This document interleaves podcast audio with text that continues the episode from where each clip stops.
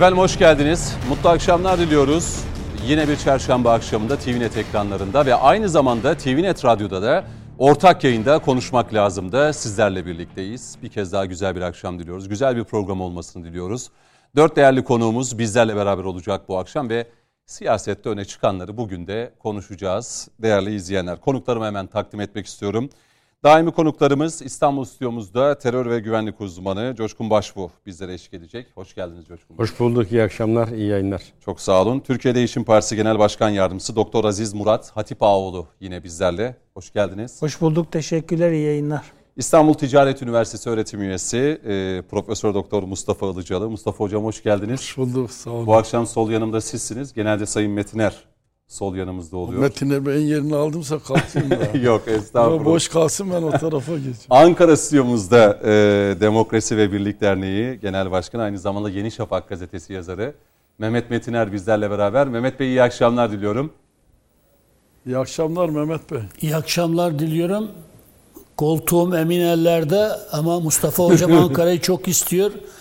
Ee, şey Ne? yapabiliriz, koltuk değişimi yapabiliriz. Bu o- hocam hayırlı uğurlu olsun yapmayız ya biz.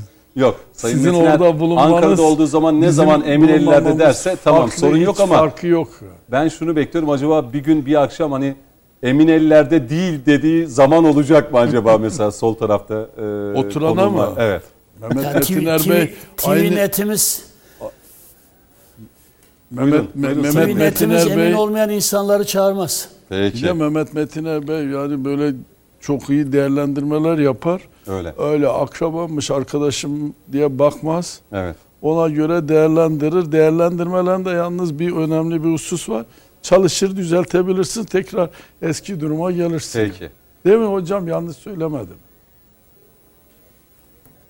Uzun bir girizgah. Sana itiraz etmek haddimize değil sevgili Estağfurullah. hocam. Ne de diyorsan Mehmet o. Betire Beyciğim bu hafta neredesiniz? Şimdi saat 21'de Cumhurbaşkanımız Ee, Cuma TRT'de günü- ya şu 10 dakika en fazla izlenen zaman olacağını düşünerek sordum ben. Biz cumartesi günü Adıyaman'dayız.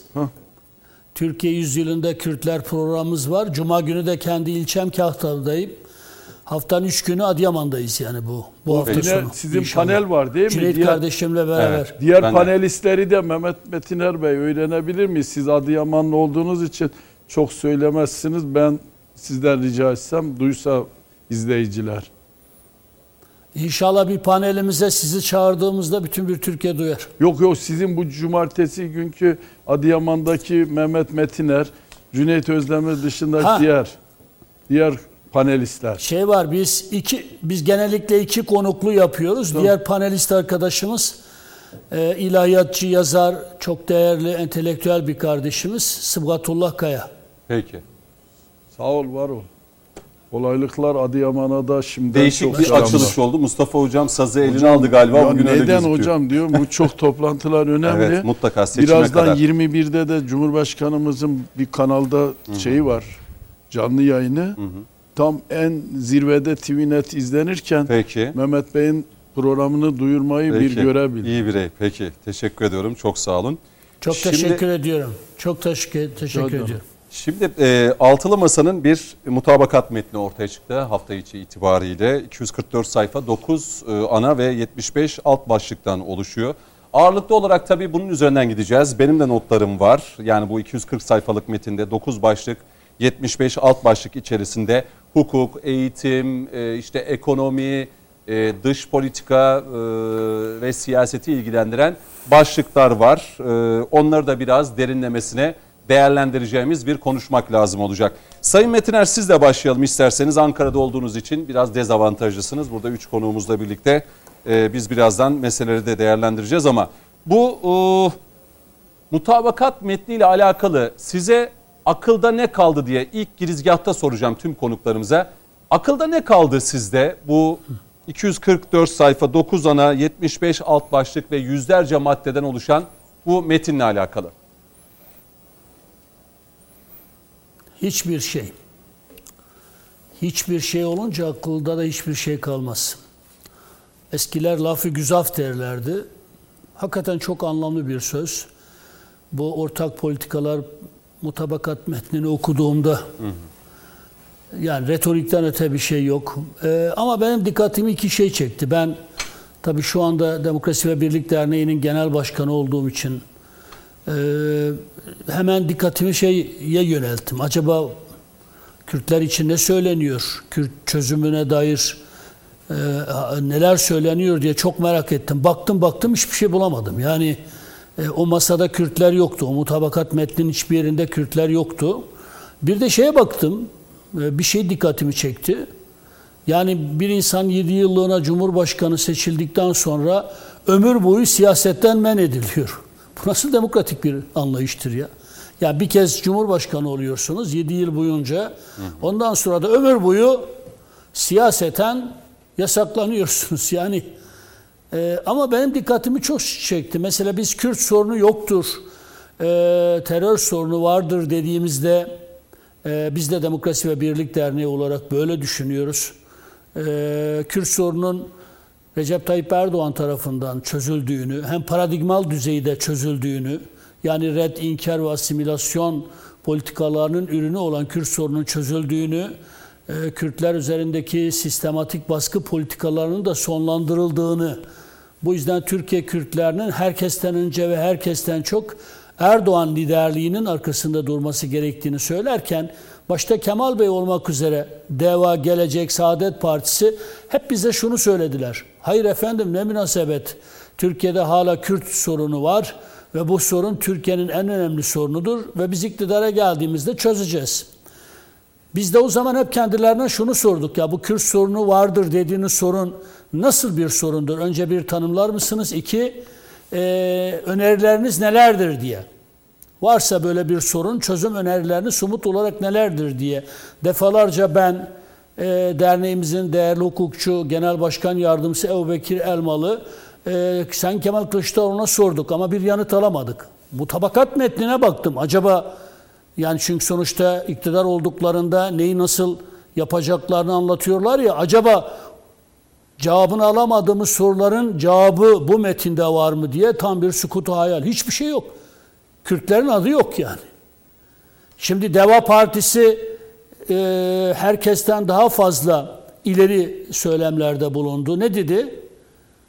Yani Kürtçe ana dilde eğitimden tutunuz da Türkçenin yanı sıra Kürtçenin resmi dili olmasına varıncaya kadar e, efendime söyleyeyim Türk vatandaşlığı deyiminin kaldırılmasına varıncaya kadar bir dizi Kürtlere bir parmak bal ağzına çalmak için bir takım söylemlerde bulundu, vaatlerde bulundu. Gelecek hakeza, Saadet Partisi hakeza. Şimdi masaya bakıyoruz. Masada altı tane görünen parti var. Ya beş tanesi bu dediğim şeylerde Kürt meselesi vardır ve biz çözeriz diyen. Beş tane parti var. Bir de İyi Parti var. Hiçbir şekilde e, Kürt meselesi vardır demeyen, e, bu tür tekliflere de kendisini kapatan güya. Biz öyle biliyoruz. Ama mutabakat metnine bakıyoruz. Beş partinin Türkiye'nin en önemli meselesidir. İktidara geldiğimizde mutlaka çözeriz dediği konuda hiçbir öneri yok. Demek ki onlar Türkiye'de Kürt meselesinin var olduğuna gerçekte inanmıyorlar ve Kürt meselesinde nasıl çözeceklerine dair bugüne kadar söyledikleri sözlerin hiçbirisinin arkasında durmuyorlar. Şimdi Kürt meselesinin bu ülkenin en önemli meselesi olduğuna inanmıyorlarsa o zaman niye Kürt meselesi var biz bu meseleyi çözeceğiz deyip Kürtlerin ağzına bal çalıyorlar. Veyahut da bir takım böyle somut önerilerde bulunuyor. Türk vatandaşlığını kaldıracağız, Kürtçeyi ana, dil, Kayyumlar. Kürtçe ana dilde eğitim yapacağız vesaire vesaire. Peki niye bunu mutabakat metnine yazdırmıyorlar?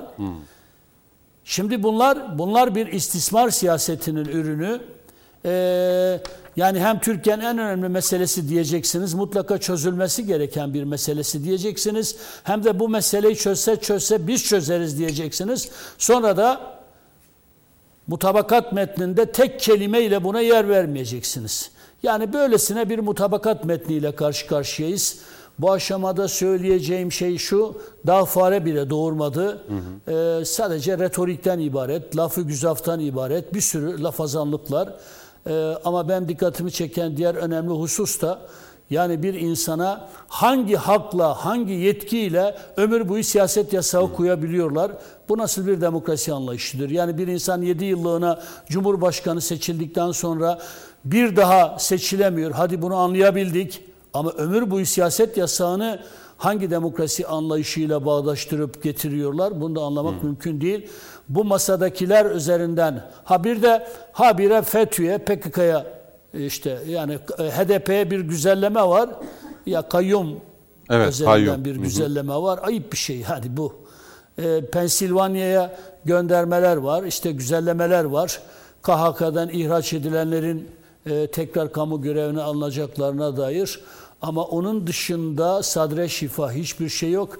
Bu masadakiler ve bu, masa, bu masanın üstündekiler ve altındakiler eğer bu ülkeyi yönetirlerse bu ülkenin sonu felaket olur. Ben buradan Den bir der genel başkanı olarak e, kendi Kürt kardeşlerime seslenmek istiyorum. Erdoğan gibi bir lider varken hiç kimsenin konuşmaya cesaret edemediği dönemde bu sorunu çözen bir lider varken Kürt, Kürt dilinin üzerindeki bütün yasakları kaldıran, Kürtlerin kültürel haklarının önünü açan, bu konuda somut adımlar atan cesur bir devrimci varken, Kürtlerin lideri varken daha hazırladıkları mutabakat metnine bile Kürtlerin adını dahi yazdırmaya cesaret edemeyen ve var olduklarını iddia ettikleri Kürt meselesinin hangi somut önerilerle çözülebileceğini zikretmekten korkan partilere güvenip Erdoğan'ı devirirlerse hem Türkiye'ye kötülük etmiş olurlar ama öncesinde de en başta kendilerine zarar vermiş olurlar. O yüzden bütün panellerimizde işlediğim iki şey var. Bir, onu burada vurgulayarak bitirmek istiyorum. Tabii. Ey Kürtler diyorum. Kendi e, insanlarımıza sesleniyorum. Türkiye sizin ana vatanınızdır. Türkiye sizin devletinizdir. Ama Recep Tayyip Erdoğan da sizin liderinizdir. Peki. Sakın ola ki Erdoğan liderliğinden şaşmayasınız diyor. Bir kez daha da bu mutabakat metnini okuduktan sonra Erdoğan liderliğinin bu ülke Kürtleri içinde, bu ülkenin e, toplumsal barışı içinde, devletimizin bekası ve demokrasimizin derinleştirilmesi açısından da ne kadar önemli olduğunu görmüş olduk. Umarım Kürt kardeşlerimiz de görürler. Hem HDP'nin bu masaya niye destek verdiğini sorgularlar tek bir Kürt kelimesinin geçmediği, Kürt haklarıyla ilgili hiçbir sözcüğün geçmediği bir masaya HDP'nin nasıl destek verdiğini sorgularlar. Hem de HDP üzerinden Kürtleri CHP'ye stepne kılmaya çalışan anlayışları artık kırarlar ve inşallah Türkiye'nin toplumsal barışına da Erdoğan'ın arkasında sav bağlayarak katkı sunarlar. Bütün Kürtlerimizden e, kendi evlatları olarak talebim bu benim. Peki. Şimdi akılda e, ne kaldı, ne kadarı kaldı? Bu 75 alt başlık, 9 ana, 244 sayfa, yüzlerce madde var. E, Aziz Murat Hatipoğlu'na döneyim. E, yani muhalefette yer alan bir partinin genel başkan yardımcısı olarak. Siz de bu mutabakat metnine baktığınızda aklınızda kalan nedir? Dikkatinizi çeken, sizi şaşırtan ya da işte ya bu muhteşem, harika, yani bu mutabakat metniyle Türkiye uçar, kaçar e, dediğiniz şeyler oldu mu? Şimdi e, açıkçası biz bu mutabakat metni işte pazartesi günüydü sanıyorum 30'unda açıklandıktan sonra biz partimiz içerisinde e, küçük gruplarında çalışmalar yaptık. Şunu söylemek lazım yani bu metin genel itibariyle teknik yönü ağır basan bir metin. O nedenle belki Sayın Metinler'in dediği gibi akılda bir şey kalma ihtimali özellikle vatandaş açısından e, ciddi bir e, sıkıntı ihva, ihtiva ediyor. Ancak bizim de uzun zamandan beri savunduğumuz bazı ufak tefek konuların metin içinde olduğunu söylemekte de büyük fayda var. O da şu. Örneğin seçim barajının düşürülmesi. Yani bu konu e, seçim barajının düşürülmesi konusunu %3 olarak öngörmüşler. Biz de uzun zamandan beri Türkiye Değişim Partisi olarak seçim barajının %3'e indirilmesi konusunu gündeme getiriyor ve taşıyorduk. Tam anlamıyla demokrasinin oturabilmesi açısından. Yine e, siyasi partilerle ilgili olarak hazine yardımı alma konusunda yüzde bir olarak bir baraj belirlenmiş. Onun dışında güçlü parlamenter rejime yönelik bir atıf var ama orada da kendi çelişken bir durum var. Şöyle ki hatırlarsanız daha önceki anayasa tekliflerinde altılı masanın Cumhurbaşkanı ile beraber güçlü bir Cumhurbaşkanı ile beraber bir parlamento öngörülmüş idi. Yani diyor ki altılı masa biz Cumhurbaşkanı yine halka seçtireceğiz. Cumhurbaşkanı yine halk seçecek ama parlamento güçlü olacak.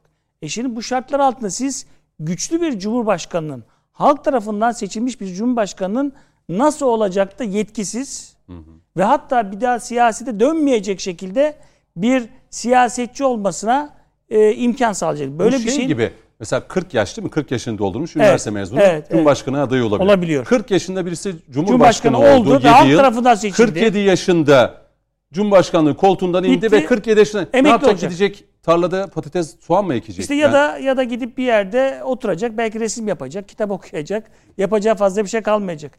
Ancak şöyle bir durum var.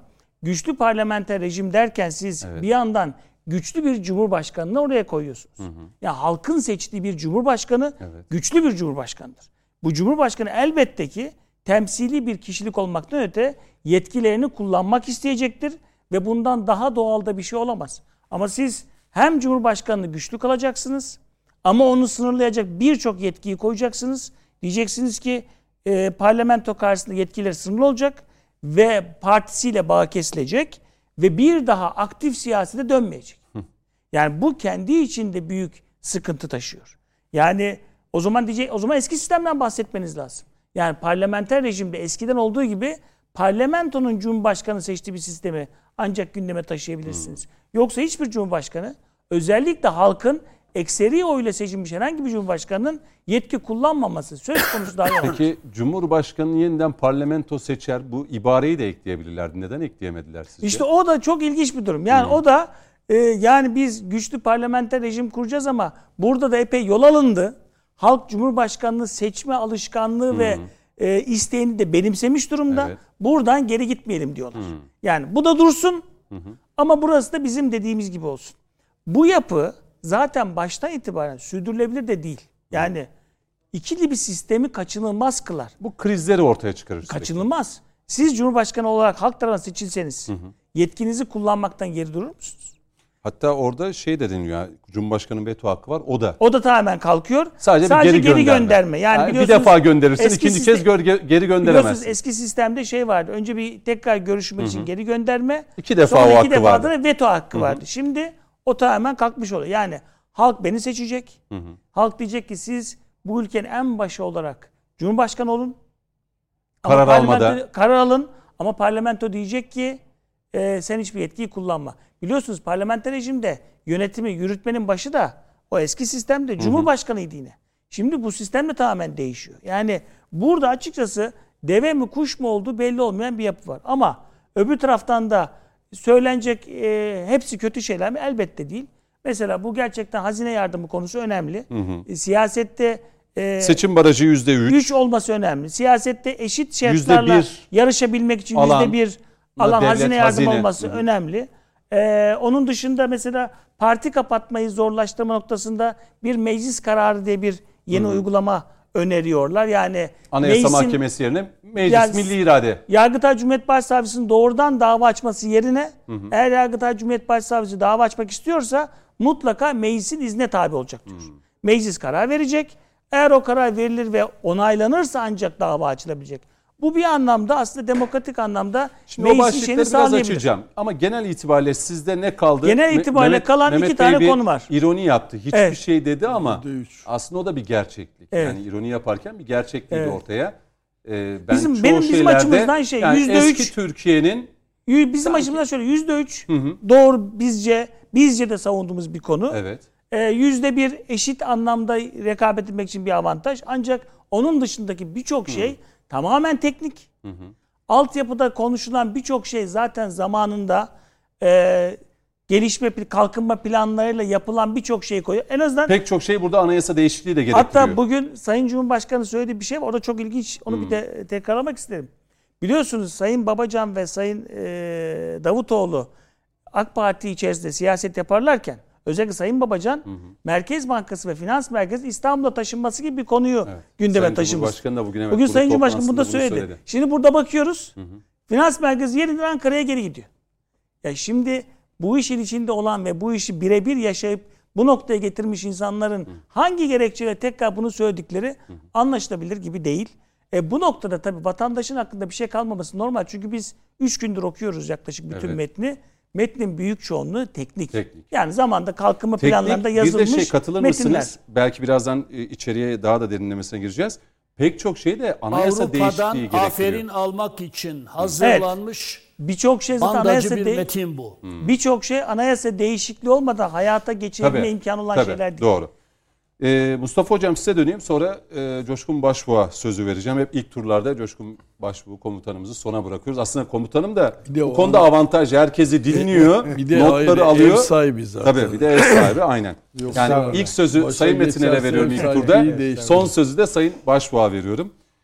Geçen sizin katıldığınız televizyon programında da Muharrem Erkek Evet yanılmıyorsam, 30'unda zaten tamamen bu yani daha yeni açıklanmıştı. Hı hı. Biz o evet zaman sıcağı sıcağına ben de izledim Muharrem özellikle. Erkek Bey ve- Hatta sizin e, sorduğunuz 3-4 soru vardı. Evet, evet. Moderatör arkadaşımız da hatta evet bu sorular çok güzel sorular diyerek Sağ olsun e, hakkı teslim etti. bazı yani. soruların cevabını vermekte Sayın Erkek zorlandı. Bazıları havada kaldı. E, hem o günkü o açıklamalar işte hukukçu Muharrem Erkek bildiğim kadarıyla CHP'nin hukukçularından birisi. Evet, evet. Aldığınız cevaplar, o metinde yer alan maddeler size Ben ne de- ifade etti? ben de- Akılda ne kaldı? Ben de Muharrem Erkek sizi tatmin etti mi? Muharrem Erkek Bey'e sorduğum soruların cevabını tam alamadık tabii. Hmm.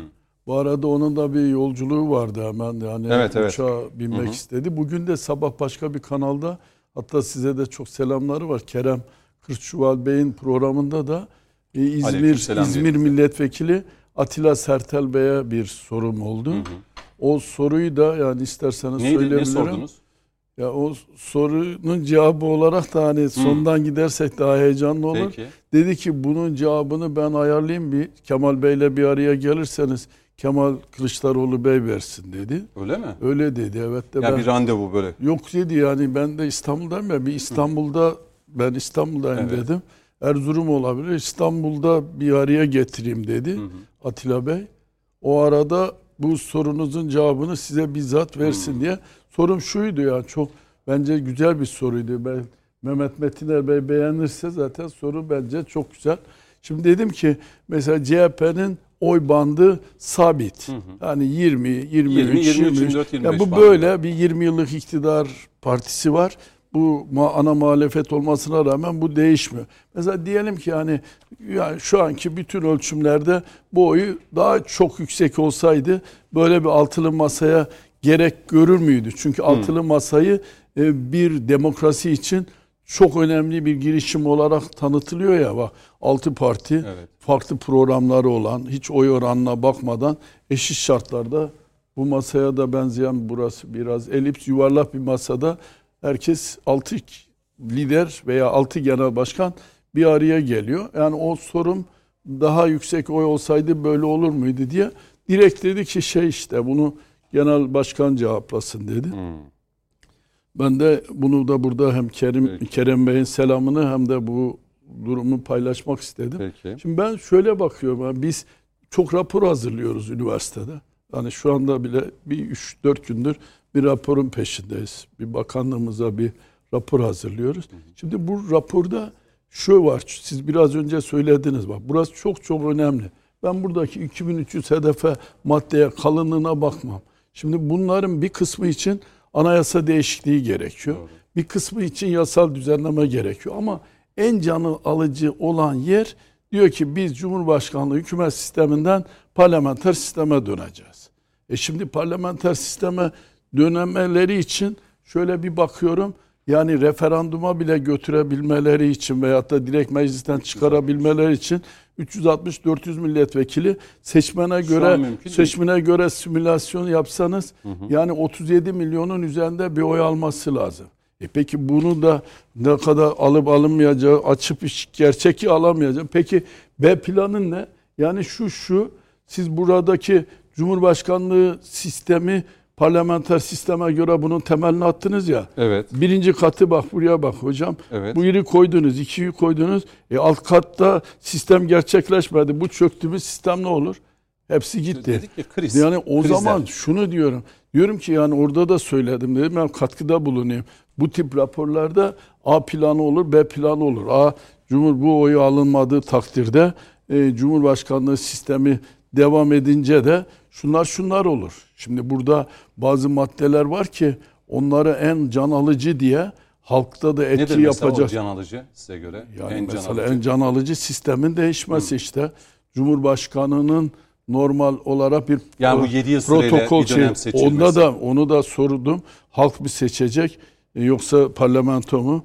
Halk dedi. Orada da bir sıkıntı var. Dün bir televizyon programda duayen bir gazeteci onu bir partinin anayasa profesörüne sormuş. O da demiş meclis seçecek. Yani orada da bir fikir birliği Hmm. demek ki yok. Yani yazılı metinde belki burada halk seçecek diyor ama yani dolayısıyla şimdi bir raporun ben buradan tekrar e, sesleniyorum bu altılı masada orada o kadar emek verilmiş hazırlanmış uygulanabilirliği olması lazım. Bizde mesela mesleğim değerli Ya oradaki ilk madde şu. Demokratik, adil bir sistem için güçlendirilmiş parlamenter sisteme geçeceğiz. E, geçeceğiz, Anayasal ve geçemedim. yasal değişiklikleri ivedilikte hayata geçireceğiz. şimdi- şimdi- Siz diyorsunuz ki bu şu anki buradan baktığımızda bu tamam. mümkün değil. Ya bunu geçirebilmesi için o zaten 37 milyon oy alması demek ne demek yani?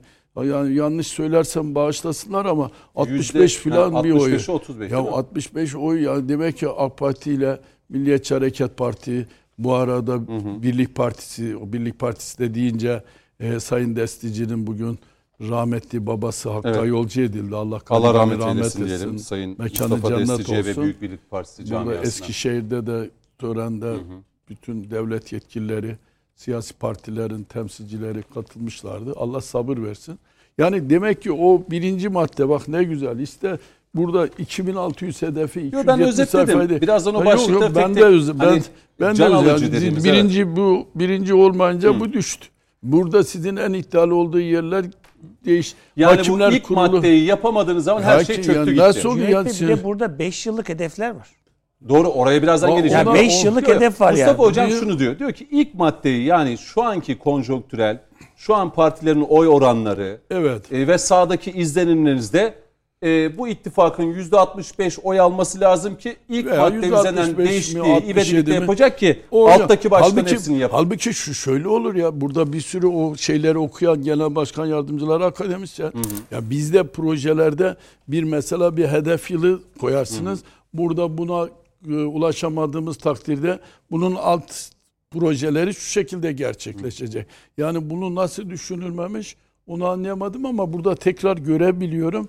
Yani bunu tekrar bir düzenleyip o sistem kaldığı zaman mesela merak ediyorum kaç hedef düşecek o zaman ne kalacak. Bu arada da çok önemli bir tespitim daha var. Yani onu da mesleği mühendislik olduğu için Tabii. bunlar teorik ifadeler. Yani size işte Cüneyt Bey senin alanın iletişim. İletişimde ne diyorsun? Komutanım senin güvenlik.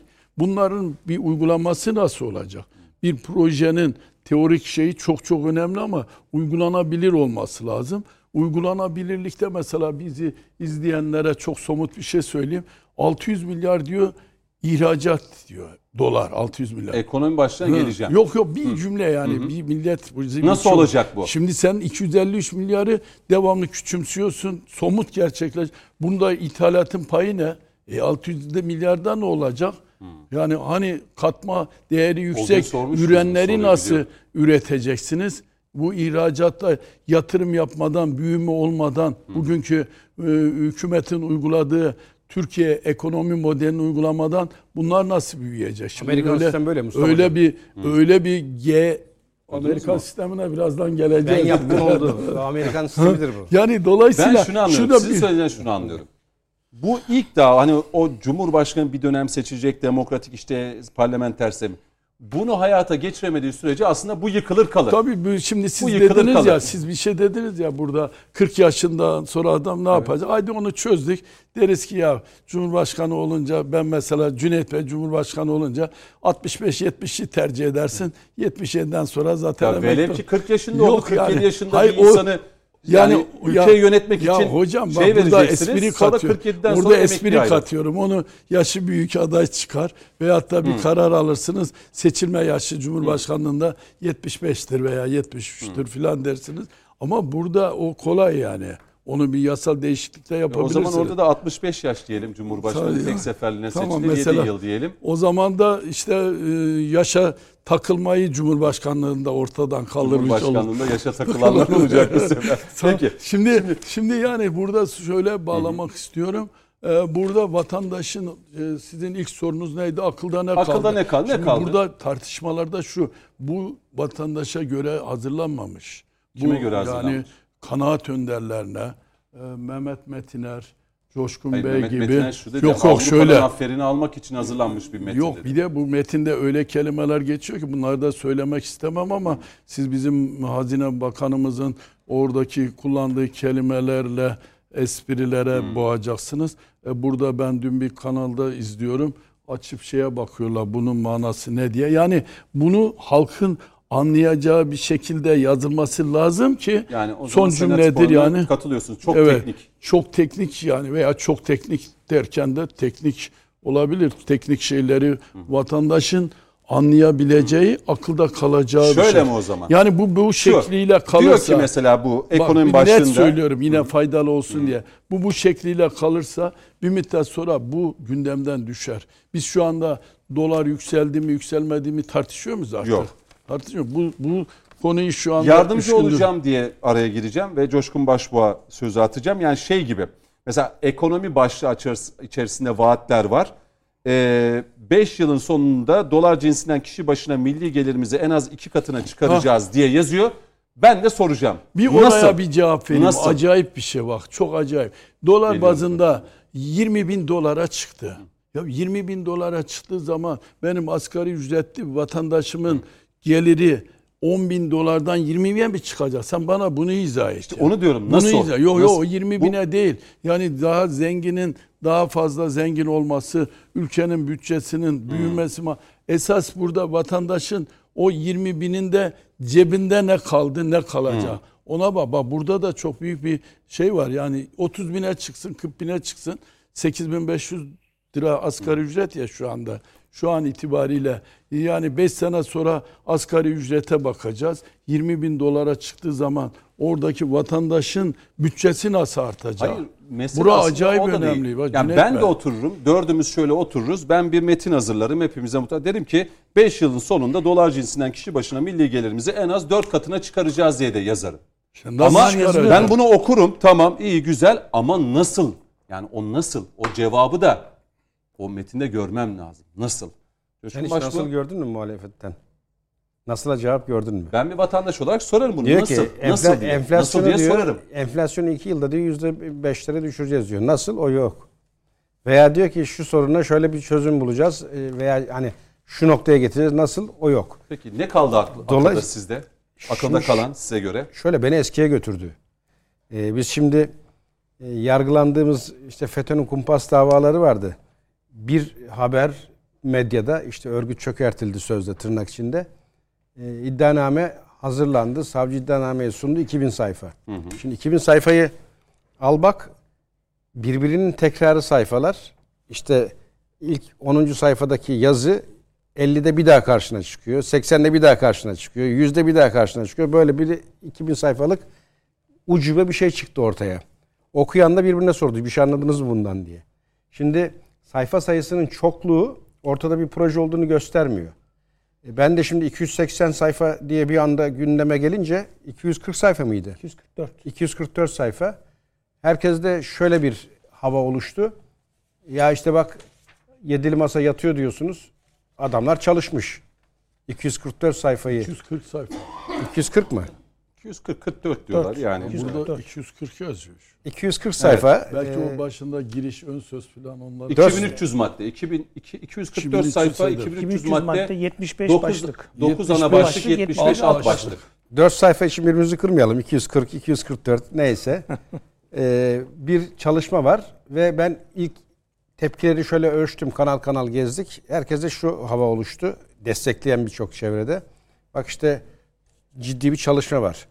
Heyecanlandık. Biz de bugün Cumhurbaşkanımız da dedi ya bir bakalım hani olur da atladığımız bir şey olur. Bizimle dikkatimizden kaçmıştır. Muhalefet e, bunu tespit etmiştir. Biz de istifade ederiz. Karıştırdık dedi bugün gruba yaptığı konuşmada. Ki yani şu anki bana göre iktidarın en büyük şeylerinden biri o. Özelliklerinden. Yani toplumun faydasına bir şey gelsin de ister muhalefet ister dışarıdan.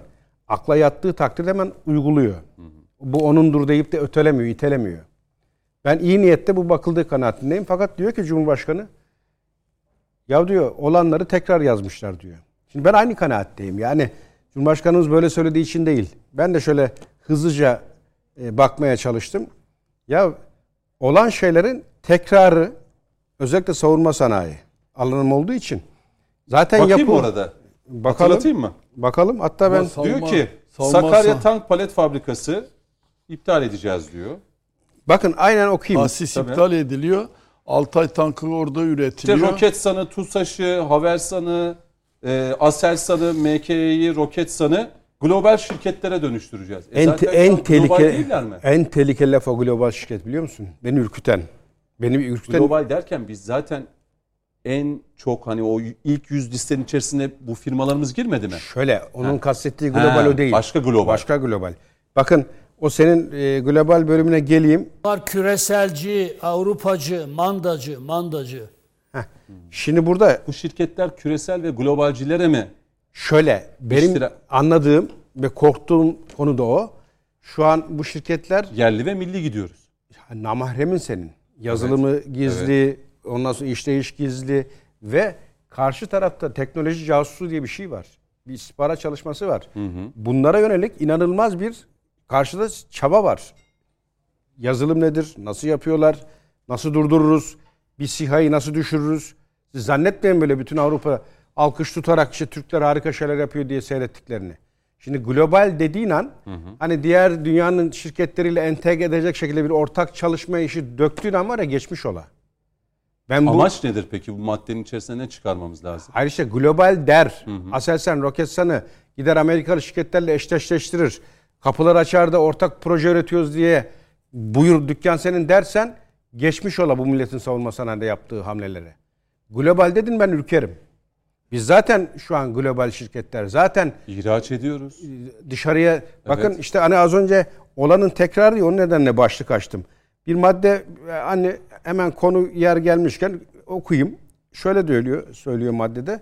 Savunma sanayimizi çok daha ileri bir noktaya taşıyarak ya zaten şu an iktidar bunu yapıyor ve çok da iyi bir noktaya getirdi zaten. Ülkemizin savunma alanındaki dışa bağımlılığını azaltacak. Bak hiç yapılmıyor gibi. İleride endüstriyel teknolojinin gelişimine öncülük yapacak bir ekosistem oluşturulacak. Bakın bu da gene tehlikeli cümlelerden biri. Ve silahlı kuvvetlerimizin gücünü ve caydırıcılığını artıracak ve yüksek katma değerli ihracatı geliştireceğiz.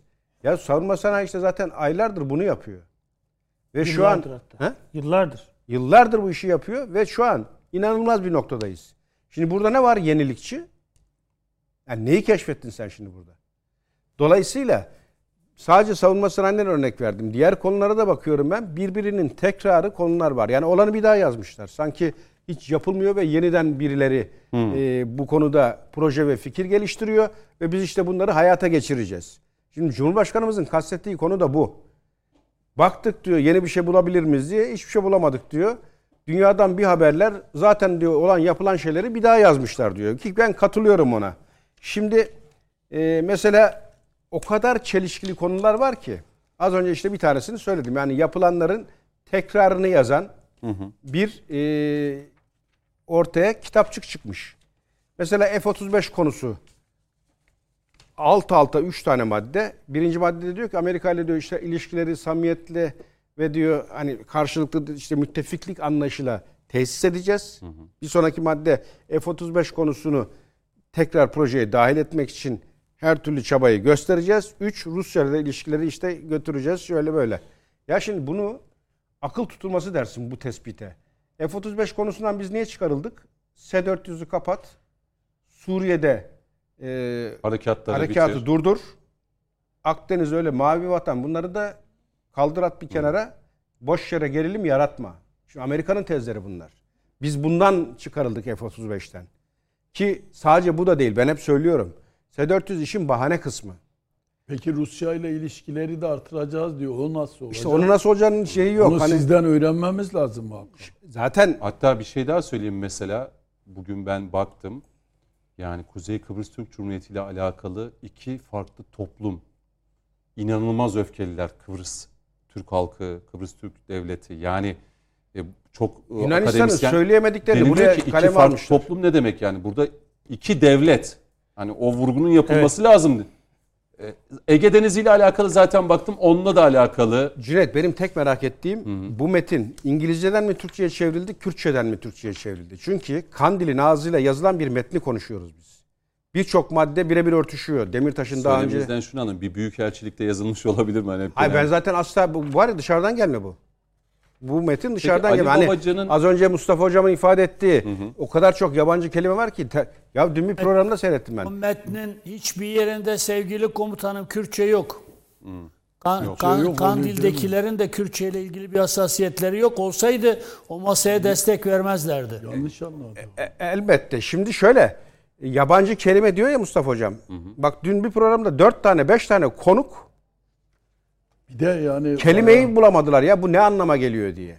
Masadakilere sorun bakın yedili masa derim ben hep. Yedisine de sorun. İnanın onlar da bilmiyor. Şimdi F-35 konusundaki o açmazı örnek verdik. Gene ne diyor? Ee, benim en tehlikeli bulduğum vurgulamalardan biri Amerika'yı aklıyor, pulluyor. Senle onu aynı kefeye koyuyor. Karşılıklı anlayış. Ya kardeşim burada sana düşmanca tavrı takınan ve senin altını oyan Amerika. Ve bunu da çok net açıktan yapıyor. Şimdi bu şuna benziyor. Amerika'nın o alçakça söylemlerinden biriydi. YPG, PKK işte Suriye'de e, gerilim artıyor. Tarafları sükunete çağırıyoruz. Ya sen kimsin beni bir terör örgütüyle eşdeğer tutarak böyle bir cümleyi kurabiliyorsun? Şimdi burada da Amerika'nın bize yapmış olduğu bu ihaneti örten, bizi onunla aynı kefeye taşıyan ifadeler var. Keza senin az önce ifade ettiğin gibi Yunanistan konusunda da aynı. Ya sen burada bir milli mutabakat diye bir duruşla benim karşıma çıkıyorsun. Ben burada bir tane millilik göremedim şu ana kadar. Tam tersi radikal, ucu açık söylemlerle e, batıyla, vahşi batıyla bizi eşleştiren sanki iki tarafta da hatalar var da işte arayı bulmaya çalışan bir mantık ve bir yapı gibi ortaya çıkmışlar. Yine aynı şekilde kayyum mesela örneklerden biri çelişkilerden. E, biz Mehmet abiyle geçtiğimiz günlerde Demirdir olarak Diyarbakır'a gittik. Diyarbakır ben hala söylüyorum. Medar iftarımız şu an bırakın Türkiye'yi dünyadaki en iyi şehirlerden, en modern şehirlerden biri haline gelmiş. So- Erzurum- Erzurum'dan sonra hocam. He, Erzurum'dan sonra mı? Erzurum da hakikaten muhteşem ilerlemiş. Şimdi oradaki vatandaşlarla Erzurum konuşuyoruz. yakşı güzel. Oradaki vatandaşlarla konuşu, konuştuk. Ee, Ben oradan emekli oldum. Epey yedik su içtik. Dedik buradaki şehir hakikaten mükemmel olmuş. Nasıl oldu bu iş? Kayyumdan sonra oldu diyor hocam diyor. Kayyumdan sonra hakikaten diyor bambaşka şeyler yapıldı diyor. Ve ortaya bu eser çıktı. Allah razı olsun devletimizden ve kayyumdan diyor. Şimdi sen bu gerçeklerin üstünü ört veya görmezden gel. Kayyum kayyum kayyum. Ya bugün doğuda birçok ilimiz, ilçemiz gerçekten büyük atılımlar yaptı. Hangisine gidersen gidin bunun nedenini kayyumun yönetimine bağlar. Dolayısıyla örgüte yataklık eden, örgüte yardaklık eden ve devletin imkanlarını örgüte seferber eden yapıyı çökerttin. Onun yerine gerçekten o paraları millete aktaran bir yapıyı tesis ettin ve bu tehdit olarak görülüyor. Ya bir çıktın mı doğuya, bir gittin mi o illere, ilçelere, bir oradaki vatandaşın nabzını yokladın mı? Kayyumdan ne yapıyorsunuz? Nefret mi ediyorsunuz yoksa bir sevgi veya muhabbet var mı aranızda? Veya kayyum nasıl geriyorsun diye sordun mu? Tek bir böyle örnek yok ama kağıt alıp yazıyorlar kayyum e, uygulaması sonlandırılacaktır diye. Evet. Niye? Çünkü Amerika'nın batının işine gelmiyor böyle şeyler. E şimdi e, benim en çok ürktüğüm ve aslında bu iki maddeyi görünce kaldırıp attığım konu şu. Bir, FETÖ'ye destek. 144 sayfayı kaldırıp attınız mı? Hiç gerisini okumaya gerek yok bence. Peki. Kanun hükmündeki kararname az önce Mehmet abi ifade etti. FETÖ'ye doğrudan destek. Hatta bugün mahir biri var. Başarır herhalde. Bir tweet paylaşmış Kılıçdaroğlu'nun söylemini. Türkiye'yi cezaevi olmaktan kurtaracağız. Ali Mahir. Ali Mahir de işte ben Şeyi- ifade Ali etmek Mahir istemedim başarır. biliyorum. O dokunulmazlıkları dokunulmazlıkla ilgili Hı. Karma Lütfü Türkan'la birlikte bir Ya yani meşhur- da kaldırılacak karma gibi. komisyona şu anda. Yaptıklarıyla meşhur biri. Aynen tweet'i paylaşmış. Kılıçdaroğlu'nun ifadesi. Onun tweetinden e, aynısını aktarıyorum. Diyor ki Türkiye'yi cezaevi e, olmaktan kurtaracağız. Şimdi uzun süreden beri pek dillendirmediğimiz ama bana göre konuşmamız gereken bir başlık. Yedili masa içerisinde sürekli bir genel af söylemi var. Ve bu artık hani örgütün kılcallarına kadar da inmiş durumda. Yani bu, firarda olan vatan hainlerinin tweetlerine, sosyal medyalarına bakın. Herkes umudu bu masaya bağlamış hı hı. ve gelirlerse hepimiz dışarıdayız mantığını oluşturmuş durumda. Komutanım çok özür dilerim araya gireceğim. Ee, yani yine bu tabii çok 2300 madde gördünüz mü ben mi göremedim? Yani bu terörle mücadele alt başlık işte geleceğim oraya. PKK, FETÖ. Gelce- Yok şimdi akılda kalan birazdan hani başlıklar sizin de alanınıza giren başlıkları ben mi göremedim yoksa genel itibariyle böyle bir şey yok mu? Ya yok. Ha, FETÖ'yle mücadele, yok. PKK ile mücadele yani, ya da FETÖ'yle mücadele konusu var. Hı. Ya o da genel geçer genel bir cümleyle ifade. bir ifade etmiş ve aslında orada da destek Nedir, var. Önünüzde var mı hani tam olarak o net cümleyi bir alalım yani. FETÖ'yle yani, mücadele edeceğiz. İzleyicilerimiz de bilsinler yani. Buyurun Coşkun Bey devam ederken Aziz Bey de belki Şimdi e, Aziz Bey bulurken ben ifade edeyim. Hı hı. Bu kanun hükmündeki kararname zaten uzun süreden beri Kılıçdaroğlu'nun zihninde var ve bunu hiç şüpheniz olmasın. Devletin o aylarca, yıllarca o kadar soruşturma, o kadar istihbari faaliyetler sonucu ele geçirdiği ve şu an cezaevlerinde yaptığı ihanetin bedelini ödeyen kişilerin birçoğunun dışarıya çıkarılacağından hiç şüpheniz olmasın. Açıktan söylüyorlar. Gelir gelmez hepsini çıkaracağız diye. Ve bana göre ikinci en büyük tehlikeli söylem yerel yönetimler. Hani Demirtaş'ın çok dillendirdiği, Amerika'nın böyle yere göğe sığdıramadığı ve özellik dediğimiz yerelde yönetimde özellik. Bu konu da gene burada e, işleniyor. Zaten bu ikisini gördünüz mü artık ötekileri hmm. okumaya gerek yok bana göre. Son cümle yani ne dersiniz bu mutabakat metnine? Bir manşet atın desem. Bu mutabakat metni e, tamamen Batı endeksli. Ali hmm. Babacan'ın da ifade ettiği gibi Batı bize yaparsak bunlara aferin diyecek dediği bir metin. Hmm. Yani eski Türkiye. Manşet bu. Niye? Aydın hatırlar mısın? Eski Amerika'yı geri geliyor diye böyle daha alır almaz koltuğa oturmadan attığı slogan da o. Aslında o şunu demek istiyor Biden. Her şeyin eskisini geri getireceğiz. Amerika'nın da Türkiye'nin de. Şimdi buna bakıyorsun 7 yıldan tut eski uygulanan sistemlerin hepsinin bir bir hı hı. yapılanın yıkıldığı ve eskinin hayata geçirildiği bir mantık ve anlayış var bu bahsettiğim kitapçıkta. Dediğin gibi benim gözüm arıyor. Libya'da ne yapacaksın kardeşim ya? Nasıl bir politikan var senin? Bir virgül koyalım. Oralara geleceğim. Şimdi genel itibariyle hepinizden akılda ne kaldı diye aldım. Siz de güzel manşet attınız. Bu metin Batı'nın, Avrupa'nın Ali Babacan'ın dediği gibi aferin Türkiye. İşte Heh. bunlar olmalı. Batı'nın bize verdiği ev ödevleri. Peki. Bunları tamam. alın yapın dediği ev Sizden ödevleri. de bu başlığı aldım. Şunu mu demek istiyorsunuz? Bu anlaşılmaz olması Batı'dan da alındığına göre bize sık sık sorarsınız diye mi öyle anlaşılmaz yazdı?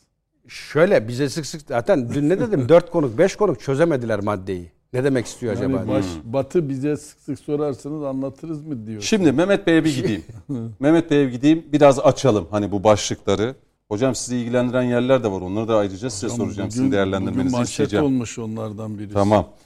Şimdi Mehmet Bey, e, benim mesela dikkatimi çeken e, başlıklar e, şu Tabii hani ilk madde üzerinden e, Mustafa Hocam dedi ya ya bu parlamenter sisteme geçeceğiz anayasal ve yasal değişiklikleri ivedilikle hayata geçireceğiz. Bu çoğunluğu sağlamadıkları için bu baştan çöküyor. Velev ki diyelim sağladılar. Sağlamaları imkanı var mı? Nitelikli yani şu anki çoğunluk, konjonktürde anayasal yok. Çoğunluk. Yok, yok. Şu anki yok.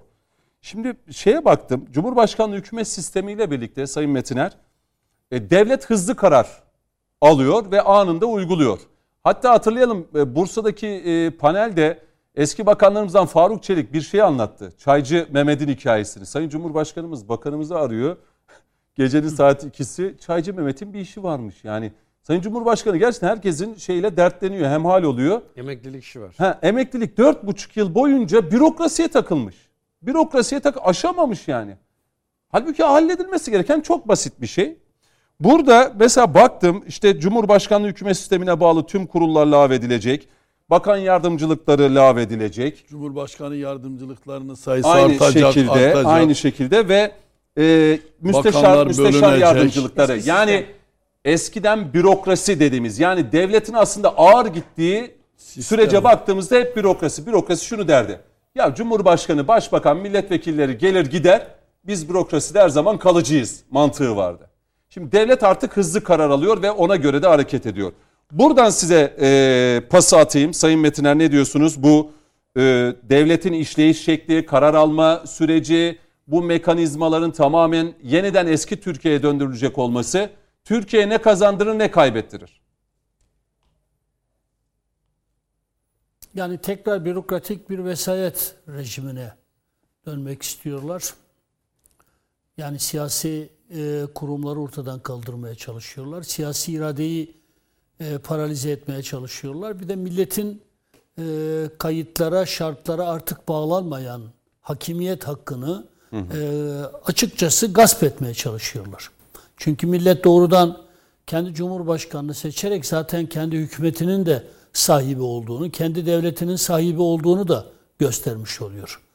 Şimdi burada tekrar partiler demokrasisi üzerinden yeni bir vekalet sistemi, bürokrasinin de çok işlevsel olacağı, e, çok belirleyici, dominant olacağı yeni bir e, şey e, oluşturuluyor, sistem oluşturuluyor. Hı hı. Yani vekalete dayalı, vesayete dayalı yeni bir siyasi sistem. Eski Türkiye'den de bin beter bir sistem bu yani. Yeni bir bürokratik vesayet o da adacıklar oluşturuluyor. Bir de Cumhurbaşkanı hükümet sistemiyle birlikte doğrudan veri, halka verilen, kayıtsız şartsız halka verilen bir yetki tekrar halkın elinden almak isteniyor. Halka diyor ki sen e, Cumhurbaşkanını seç ama seçtiğin Cumhurbaşkanı etkisiz yetkisiz bir e, figür olsun. Yani bu, bu, bu kabul edilebilir bir şey değil. O zaman Cumhurbaşkanını halka seçtirmenin bir manası yok ki. Cumhurbaşkanı e, propaganda sürecinde halka ne anlatacak? Beni seçerseniz ben ne yapabilirim diyecek mesela Cumhurbaşkanı. Hmm. Eğer Cumhurbaşkanı sembolik bir Cumhurbaşkanı olacaksa, etkisiz yetkisiz bir eleman olacaksa, bir tür süs bitkisi olacaksa bunu halka seçtirmenin bir manası yok ki. Düşününüz ki üç tane Cumhurbaşkanı adayı var ve halka gidiyorlar. Peki Cumhurbaşkanlar halka ne vaat edecekler? Halk Cumhurbaşkanlarını hangi vaatlerinden dolayı seçmeye ihtiyacı hissedecek? E şimdi Cumhurbaşkanları halka hiçbir şey vaat etmeyeceklerse niye halka e, kendilerini seçtirsinler ki? O zaman parlamentoda seçilsinler. Hı hı. Tekrar başkanlık sistemi yerine e, başbakanlık sistemi olsun. E, bütün yetkiler, Cumhurbaşkanlığında toplanan bütün yetkiler tekrar başbakanlığa verilsin. O başbakan da zaten partili bir başbakan. E, bakanlar da eğer hükümet tek bir parti marifetiyle kurulmuşsa aynı partinin bakanları olacak. Meclis çoğunluğu da zaten bir partinin e, elinde olacak. Dolayısıyla yasama ile yürütmenin iç içe geçtiği eski parlamenter sistem, bürokratik vesayet odaklarını da tekrar etkili yetkili konumda olacağı eski bir sistem. Ya bu neresi yeni Allah aşkına ya? Bu neresi yeni yani? Ben aziz milletimden rica ediyorum. Cumhuriyet tarihinde ilk defa size böyle bir yetki verildi. Ey milletim. Siz sandığa gidiyorsunuz. Cumhurbaşkanı yürütmenin başını kendiniz seçiyorsunuz, doğrudan seçiyorsunuz. Hükümetinizi de kendiniz seçiyorsunuz, doğrudan seçiyorsunuz. Hı hı. Hiçbir kayıt yok, hiçbir şart yok. Arada hiçbir aracı yok, siyasal e, şeyler yok, e, simsarlar yok. Beğenmediğiniz zaman da tekrar değiştiriyorsunuz. Şimdi size tanınan bu yetki elinizden alınmak isteniyor. Yani katakulli siyaseti bu yani hileyle, desiseyle, süslü püslü cümlelerle elinizden alınmak isteniyor. Efendim işte biz Beştepe'yi boşaltacağız, Çankaya'ya gideceğiz. Çankaya'nın ne kutsallığı var ya? Ne kutsallığı var Allah aşkına? Yani Çankaya'da bu kadar ısrarın anlamı ne? Yani bu, bu bunu anlamak, anlamlandırmak mümkün değil. Eskiden de gene Çankaya kutsallık atfederlerdi. Şöyle derlerdi. Abdullah Gül'ü biz Cumhurbaşkanı aday olarak gösterdiğimizde eşi başörtülü bir insan Çankaya Cumhurbaşkanı olarak oturamaz. Allah Allah. Yani Çankaya bir mabet midir? Nedir yani? Ne? Bu Çankaya'yı bu kadar çok kutsal kılmanın bir anlamı yok ki yani. Gazi Mustafa Kemal Atatürk yapmış olsa bile, orada Cumhurbaşkanı yapmış olsa bile bir mekana bu kadar kutsallık atfetmek çok yanlış. Gelişen, büyüyen bir Türkiye. ihtiyaçları, talepleri olan bir Türkiye ve Beştepe bu Türkiye çok yakışan bir milletin evi ya. Efendim orayı boşaltacağız da yok bilmem kadınlar bilmem neyi yapacağız da. Ne kadar ayıp şeyler ya. Ne kadar çocukça şeyler bunlar. Bunlar mı bu ülkeyi yönetecekler ya? İzlerken utanıyoruz ya. Vatandaş olarak utanıyoruz. Ya konuştukları konulara bak ya. Allah billah aşkına ya. Uçakları da satacağız Beştepe'yi diyorlar. boşaltacaklar da Çankaya Köşkü'ne çıkacaklar. Peki Cumhurbaşkanı ne olacak? Bakınız Mustafa Hoca çok Külliye- önemli bir şeyin altını mi çizdi. soruyorsunuz Mehmet çizdi. Bey? Külliye ne olacak Çankaya Evet, taşı? evet. Onu bir temsilcisi yani o programlarla da çok yakından ilgili Orta Doğu Teknik Üniversitesi'ne vereceklermiş. Neyse yani ne gerek var külliyeyle bu hesaplaşmaları niye ya? Bu hesaplaşmalar ya mekanlarla hesaplaşılır mı ya? Orası Cumhurbaşkanımızın Recep Tayyip Erdoğan'ın babasının tapulu mülkü değil ki. Muhteşem abidevi bir mekan orası ya. Bütün fonksiyonların rahatlıkla icra edilebileceği bir mekan ya. Yani bu mekanla gurur duyulacağına Erdoğan üzerinden bir de ne- mekan nefreti oluştu yani sevgili hocam. Yani Erdoğan düşmanlığı var eyvallah. Erdoğan fobizmin demokratik siyaseti nasıl boğduğunu hepimiz görüyoruz eyvallah da. Bir de artık külliyeye karşı da bir düşmanlık oluşmaya başladı. Zaten Dolayısıyla Külliye ben ya da Beştepe demiyorlar. bizi Saray diyorlar genellikle. istedikleri Saray. sistemi Hani böyle bir Saray şey olamaz. Allah saray, saraya Mehmet Bey'i kesmemek saraya çok karşılarsa Gazi Mustafa Kemal Atatürk'ün e, hangi sarayda öldüğünü söylesinler bize. Biz de öğrenelim yani. Dolmabahçe Sarayı'nda. Ya bu saray düşmanlığı nedir yani? Saray eğer kötü bir mekansa Gazi Mustafa Kemal Atatürk Cumhuriyetimizin kurucusu niye Dolmabahçe'de yaşama ihtiyacı hissediyordu yani? Bu nasıl bir mantıktır ya? Allah billah aşkına ya. Bugün önerdikleri şey eğer Atatürk hayatta olsaydı önerilen şey olsaydı Atatürk bunların hepsini hizaya getirirdi ya. Yani birisi çıkacak Atatürk'e diyecek ki Gazi Mustafa Kemal Atatürk'e sen bir kezliğine seçil, 7 yıllığına seçil, sonrasında da bir ömür boyu hiçbir şeye karışma, elini eteğini çek. Böyle bir şey olur mu ya? Yani bu e, ez cümle götürmek istedikleri siyasi sistem bir tekrar vekalete dayalı, iki vesayete dayalı bir e, köhne sistem. Milletin artık e, iradesinin kayıtlara, şartlara bağlı olmadığı bir siyasi sistem istemiyorlar. Mandacı bir zihniyet bu, mandacı bir zihniyet.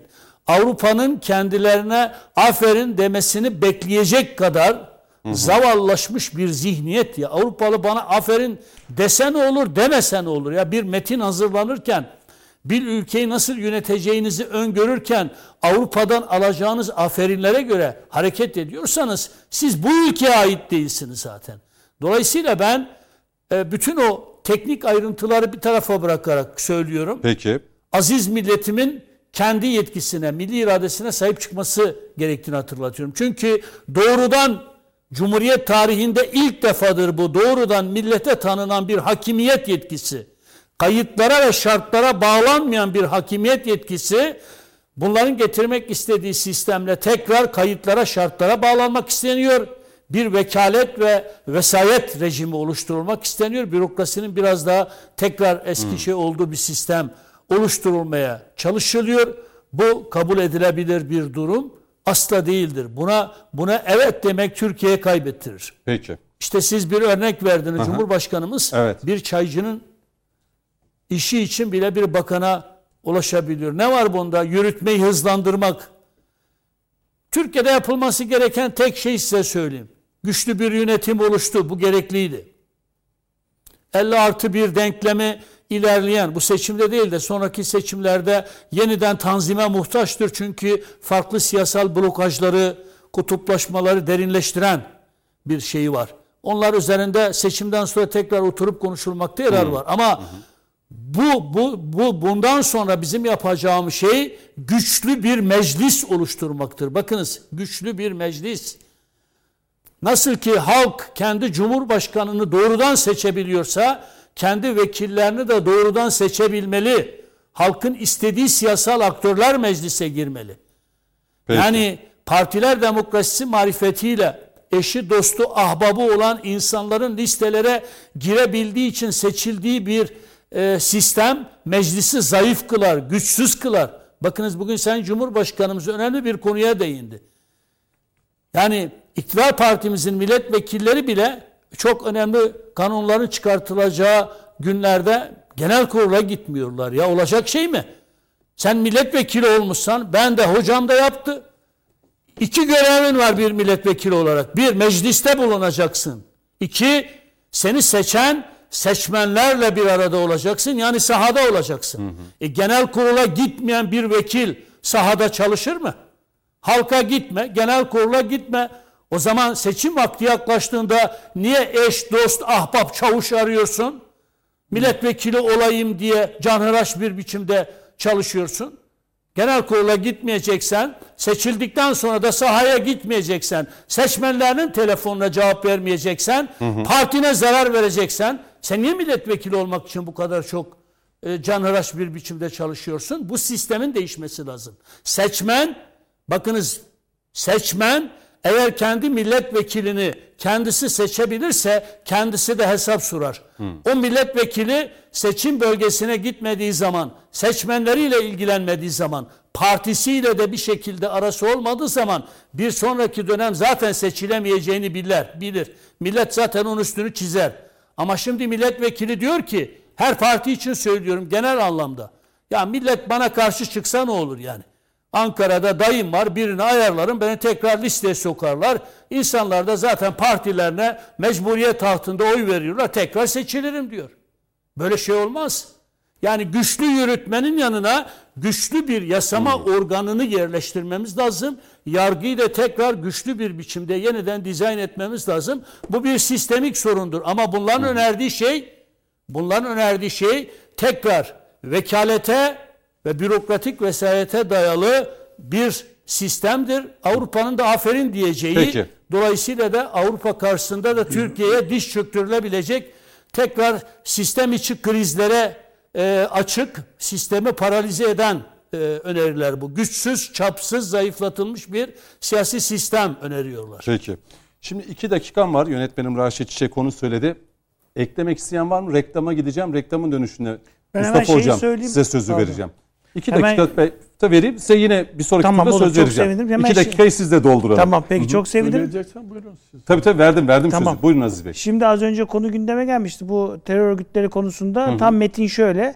FETÖ dahil olmak üzere tüm terör örgütleriyle kararlılıkla mücadele edeceğiz. Şimdi FETÖ, burada FETÖ yazı hı FETÖ yazıldıysa ki bu doğru yazılmalıydı. Neden PKK ve YPG'nin yazılmadığını, hı. neden de DAEŞ'in buraya eğer ifade edilecek tam olarak yazılmadığını e, sormak lazım. Yani yani FETÖ yazılmışsa peki nasıl pek, nasıl mücadele edilecek? Onlar belli değil. Tabii şu hakkaniyetli de olmak hayır var. denilerek nasıl mücadele Şimdi, edilecek? Tabii haklısınız. KHK'dan ihraç edilen FETÖ'cülerin tekrar hakkaniyet... kamuya geri döndürülmesiyle nasıl mücadele tabii, KHK yapılacak? KHK konusunda bir üstte yazıyor zaten. Hı hı. Tabii şunda hakkaniyetli olmak lazım. Yani 240 veya 44 sayfa yaklaşık 2300 adet e, alt başlık var. Tabii az önce e, Sayın Ilıcalı söyledi nasılı konusu da önemli ama hı hı. tabii nasılı buraya yazmaya kalktığınız hı. zaman bu en az 10 bin sayfalık bir metne dönüşür. Bunu zaten kimse kapağını açmaz. Yok, yani orada böyle bir de olayın bir şey tarafı var. Bunu iki kabul tane etmek kurnaz lazım. cümleyle orayı nasıl anlatırsın. Buraya daha, daha çok tabii anlaşılan ve hedef olması istenen şeyler konmuş. Burada, Biz bunu hedefliyoruz. Ağzı. O kadar. Amerika böyle örgüt adı almaz ve nasıl da girmez. Sadece hmm. genel geçer. FETÖ'yü yazmış. 240 sayfa. Evet. Burada 2300 hedef. Evet. Ben şimdi yani bir hoca olarak belki hocalığın avantajı bunun uygulama biçimini hı hı. herkesin anlayıp akılda tutacağı yani uygulanabilir olacağını birkaç sayfada hani raporlara yönetici özeti yazıyoruz ya evet. o şekilde yazıyor. Bunun uygulama biçimi belli değil çünkü bu sistemde dediğim gibi uygulanabilir olması için parlamenter sisteme dönüş olabilmesi için e, meclisteki çoğunluğun Doğru. kesin sağlanması lazım. Tabii de, bu da matematik. Bu da yani. matematik gerçekleşebileceğini ben şimdi bir de aç, bu bir de açık, diyor bu. Bir de açıkça şimdi Cüneyt bir soru bu, sorabilir miyim? Bir soru var bana, size. Bana mı Hı-hı. Sayın Metiner Bey? Bana mı? Yok yok hayır. Bir şey sorayım. Sonra Tabii. bakınız. O bir mutabakat metni yayınlandı. Diyelim ki bir cumhurbaşkanı adayı üzerinden de mutabakata vardılar. O cumhurbaşkanı adayı da çıktı dedi ki Ben bu mutabakat metnindeki şu şu şu şeylere katılmıyorum. Haydi işte. Dese ne olur? Yani. Yani onu zaten diyeceği de Mehmet Önce Bey, aday açıklanır. o, o da açık aday belli aday yani. çıkar mutabakat metnini açıklar. Doğrusu budur. Ya şimdi şöyle o kadar güzel bir şey dedi ki siz şimdi bir diyelim ki hükümette şu andaki sistemde bir bakanlık, bir kurul başkanlığı, bir üyesi bir rapor hazırladı. Ona son şeklini vermek için kime göstermesi lazım? Cumhurbaşkanı. E, Cumhurbaşkanı. E şimdi ülkeyi yönetecek, direksiyona tek başına geçecek Cumhurbaşkanı diyelim ki hiç de burada ismi geçenler değil de biri oldu. Bu metinde mutlak surette bir katkısı E, Sayın olması o lazım. mi? soruyor Diyecekler, işte. ben o Nasıl zaman işte o- diyecekler ki Ama- buna bağlıysan biz Ben dedim ya işte nasıl? Yani Bağlı burada her seçecek. maddenin sonuna Şöyle ben yani- nasıl sorusunu Ama eklerim. ben mesela burada. ben buna şurada çok dikkat ediyorum ki ya burada da işte biz de yazsak eleştiriyorlar. Ya siz mesela şu maddeyi yazarsanız bana buna cevap veremezsiniz. Ben sizin yetkilinize de sorarım. Canlı yayına bağlansın TVNet'te. Diyorsunuz ki Cumhur şey parlamenter bak, bak şura çok önemli. Parlamenter sistemle yönetilecek. Altına da bir madde daha var. Cumhurbaşkanı kararnameleri çıkmayacak. E nasıl olur iki sistem beraber o Yönetmenim zaman? zorluyor. Ya Mustafa zaten Hocam, dönüşü sözü parlamenter veriyorum. sistem olursa Cumhurbaşkanı zaten kararnamesi Peki. olmayacak. Reklama gidelim dönüşte zaten sözü size vereceğim. Ben bunu garantiledim bak. Peki. Birkaç dakikada aldınız buradan peki. İlk araya gidelim dönüşte devam edeceğiz Mustafa Ilıcalı hocamla. Konuşmak lazım devam ediyor. İkinci bölümdeyiz. Ee, Mehmet Metiner, Coşkun Başbuğ, e, Doktor Aziz Murat Hatipoğlu ve Profesör Doktor Mustafa Ilıcalı bu akşam konuklarımız. Reklam arasına gitmeden önce Mustafa Ilıcalı hocamla devam edeceğimizi belirttik. Hocam tabii mutabakat metninde e, yani milli çıkarlar mı ön planda, siyasi menfaatler mi ön planda? Biraz ona da bakmamız lazım. Evet. Ee, size göre e, hangisi? Milli çıkarlar Valla mı, siyasi menfaatler mi? Şu anda çok rahatlıkla bu eleştirilerimi yapıyorum. Çünkü 30'unda direkt sunum yapan iki genel başkan yardımcısına buradaki kafama takılan soruları, e, tereddütlerimi paylaştım. Bugün yine sabah televizyonda yine CHP'nin çok e, aktif bir vekili ve yine Saadet Partisi'nin genel başkan yardımcısı. Yani ben şunu diyorum bu şekliyle burada bir emek var. Emek de önemli bir hoca olarak. Ama uygulanabilirliği yok. Bunun bir revize edilip işte bu B planı şunlar olursa şu maddeler düşecek, şu gelecek. Bunu görmek lazım. Dolayısıyla diğer ifadelerde son derece teorik. Yani sonuçta e, biz de bazı raporları hazırlarken işte bazı benzer yerlerden alıyoruz ama altına da bir atıfta bulunuyoruz. Ben mesela şimdi şunu yani çok şaşırdığım nokta da şu. E, burada çok sayıda da hoca var. E şimdi mesela teknoloji kendime uygun yerde teknolojiyi artıracağız. E, teknoloji artıracakken bugün soruyorum ki mesela kaç tane e, teknoloji merkezi var? Türkiye'deki ARGE bütçeleri son yıllarda nereden nereye gelmiş? Bunları bir baktınız mı? Yani buna Yok veya sizin ilgi alanınız şimdi ulaşım olduğu için Oraya da geleceğim. Hı. Sanayi Bakanlığı'ndan ki bir referans yani böyle bir raporda alıp belli bilgileri kullanabilirsin. Bir hem referans göstermek önemli hem de benim geldiğim yeri sen tam anlamış mısın bunun üstüne nasıl gideceksin? E şimdi bunlar yok işte güneyden kuzeye hızlı treni bağlayacağız. Ya ben Cüneyt Bey çok yaşımda müsait çok sıkıntı çektik. O yollarımız bir gidiş bir gelişti. Evet, balık sırtı dediğimiz biz yollar. bak Tayyip Bey belediye başkanlığından e, partiyi kurup başbakanlığına geldi. İşte başkanlıktan e, başbakanlık olur mu diye. İlk başta bak herkesin siz sordunuz ya aklınızda ne kaldı? Siz şimdi 2002'de 15 bin kilometre duble yol yapılacak hala aklınızda mı? Aklınızda. Sizin Coşkun Bey 15 bin kilometre Tayyip Bey başbakan olduğunda duble yol bölünmüş şöyle. Şu anda kaç bin Fazlasını kilometre biliyor musun? 30 bin kilometre. Cumhuriyetten alınan 70 yıldaki Alt- 6 bin kilometre kilometre. 5'e katlamış. Muhalifler Yani bile kabul ediyor artık. Bunu bunu Evet, mesela evet. Bu bunu beni çok önemli. bunu beni karayolcu arkadaşlar ya buna kim verdi sayın başbakana bu fikri bu olabilecek bir şey oldu işte. Neler neler oldu. Siz Karadeniz e, bizi çok ilgilendiriyor bölgeyi. Karadeniz o sahil, Sahil yolunu yolu. durdurmuşsunuz ve oradan bir Ovid'de e, Doğu Anadolu'ya bir bağlantı yapmayı bile hiç aklınıza gelmemiş. E bu hükümet dünyanın ikinci uzun tünelini 14 kilometre bir gidiş bir geliş yani buradan Ovit o geçilemeyen Ovit'i denizi Doğu Anadolu'ya hızlı trene bağlamış. Ya bir kilometre hızlı trenimiz yok. Yapmış, yazmışsınız burada da kuzeyden güneyde yapacağız. Yine o yedi liderden biri ya buraya hızlı tren gelirse bizim buradan göç olur. Ya o açıdan şimdi Kimdi o lider onu söyle. ya Saadet Partisi'nin Temel Bey miydi? Allah söyleyen? selamet versin Genel Başkanı Temel Bey yani o bir hızlı tren Sivas'a Gelirse gidiyor. göç. Şimdi Sivas'a geldi deneme şeyleri yapılıyor. Erzurum'a gelecek. Erzurum'dan Erzin şey pardon Kars. Kars Tiflis'e Nahçıvan bağlanacak ve nasıl olacak? Ha, bizi böyle izlesinler. Ben şu anda Erzurum'dayım. Sağdan gidersem e, Azerbaycan, Çin, soldan gidersem Marmaray'dan Londra'ya. Ya havaalanı yok, havaalanı ya. İki, 2002'de Erzurum'un bir askeri havalimanı var. Haftada iki gün sefer var. Eğer o sefere denk gelirsanız işte gidiş Uçarsın, gelişinizi gidersin. ya bugün sabah git akşam gel. Bu kadar her yere 57 havalimanı. Bunun haricinde e, duble yollar, e, hızlı trenler. Yani bu e, İstanbul'da mesela geçen pazar keşke gelip de bir görseydiler, göremeyenler bir gitsinler. Orada 34 kilometrelik havalimanına bağlanan bir e, metro sistemi, dünyaya açılan bir kapı İstanbul Havalimanı. Yani bunların hayal etmesi bile şey zor. İşte biz hep böyle cekcaklar şu kadar yol yapılacak, havalimanı yapılacak, Marmara yapılacak. Ya yapsaydınız Marmara'yı. Marmara'yı Mustafa Hocam? yapsaydınız 65 denizin 65 metre altında. Nefes almıyor Mustafa Hocam. Ne hocam? 6 saat önce Ankara'daydım. 6 saat önce hızlı trenden mi şimdi bak Yok alternatif- uçak. Yok hızlı trenden mi geldin diyebilirim. O da Uçakla var mı dedin, geldin? doğru.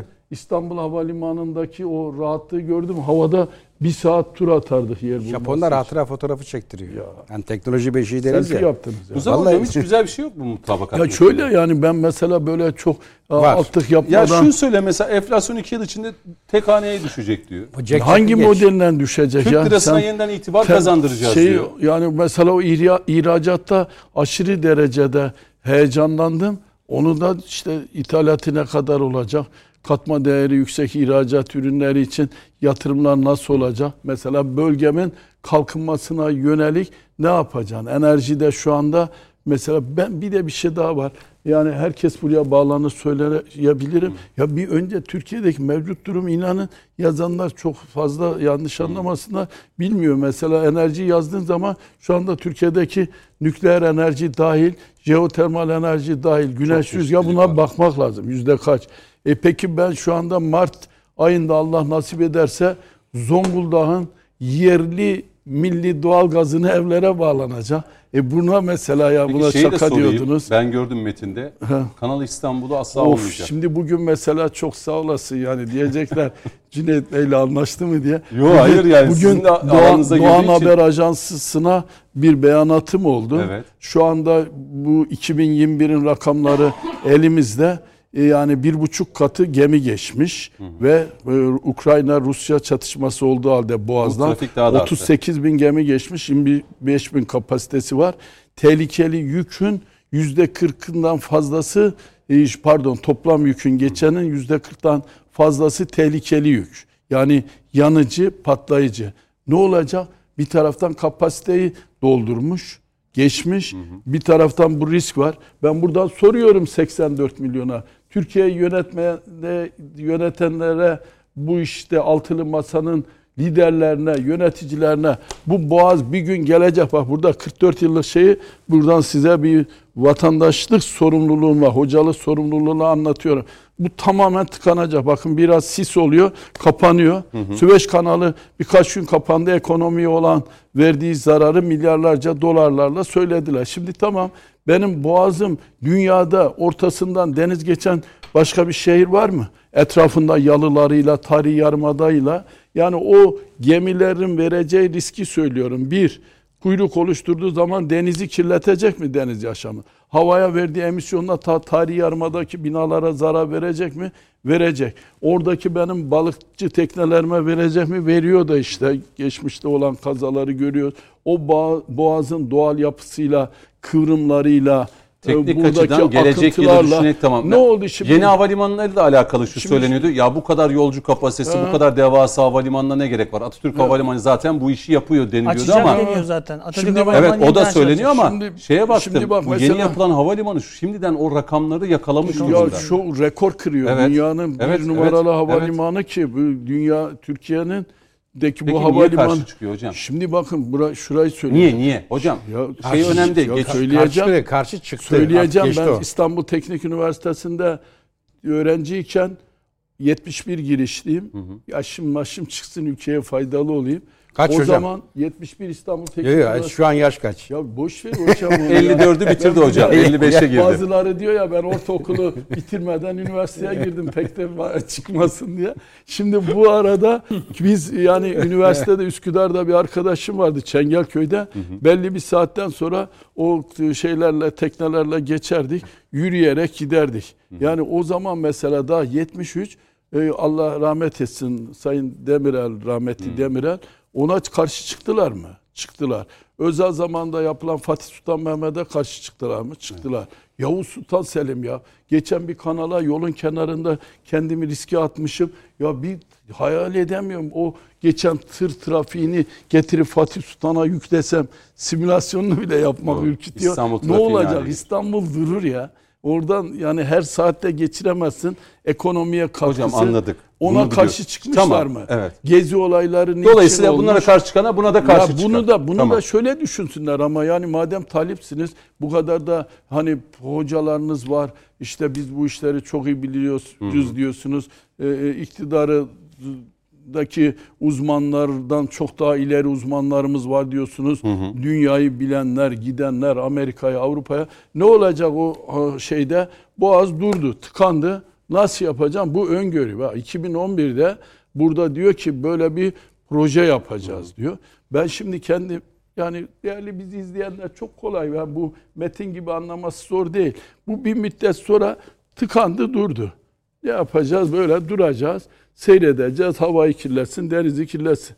Ya o zaman muhakkak diyecekler ki buna bir alternatif bulalım. Bunu nasıl ki bizim daha Osmanlı'daki Abdülhamit daha Abdülmecit zamanki. o zaman bile yani Sapanca tarafından bir alternatifi 100 yıl önce düşünmüş. Ya şimdi siz Kanal İstanbul, ben Kanal İstanbul'u ge- geçtim. Bu ben Boğaz'daki riski, Boğaz'daki tıkanmanın bana çözümünü üretsin. Anladım. E, Kanal Alternatif İstanbul'u- sunsun diyorsunuz. Kanal İstanbul'a niye karşısın? Cüneyt, sen bir Yok soru diyor, sordun.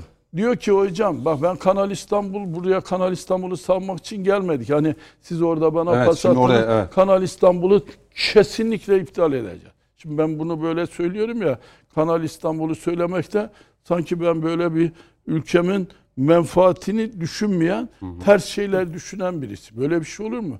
Burada yani şu var.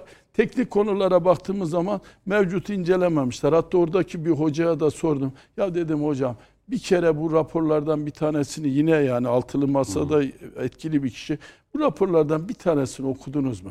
Böyle tam kafanıza tak. Orada da çok değerli hocalar çalışmışlar. Bunların hani laboratuvar deneyleri yapılmış, arazi deneyleri yapılmış. Ya okumamışlar. Sonuçta yani bunlar söylediğim zaman Coşkun Başkan. Yani Bitsin, şöyle öyle söyleyeyim. Coşkun Bey'e mi Yo yo yo. satacağım? Soru araya girip belki bitirmeniz için Bey, bir soru dedi. Soru çok Heh. severim öğrenciye. Yok size değil ona soracağım. Ha, bana mı soru soracak? Bana sorarsan- Ama Aziz Bey'e döneceğim şimdi. Aziz Bey'e sözü o zaman vereceğim. ben bitirip Tabii, şey yapayım. tabii. Yani teknik konularda da Türkiye hayal edilemeyecek. Değerli izleyiciler, bir 44 senelik mühendisim. Böyle asistanlığımdan bu zamana Jack işte hızlı tren yapılacak, havaalanları artırılacak, sistemler arası entegrasyon sağlanacak, şehir içi yollarda, şey kent içinde metrolar artırılacak. Ya geçmişte rayları sökmüşüz. Bugün ne kadar güzel sistemler hem e, kentte yapılıyor, hem her şehirde yapılıyor, hem de e, şehirler arası, ulusal, uluslararası bağlantılar.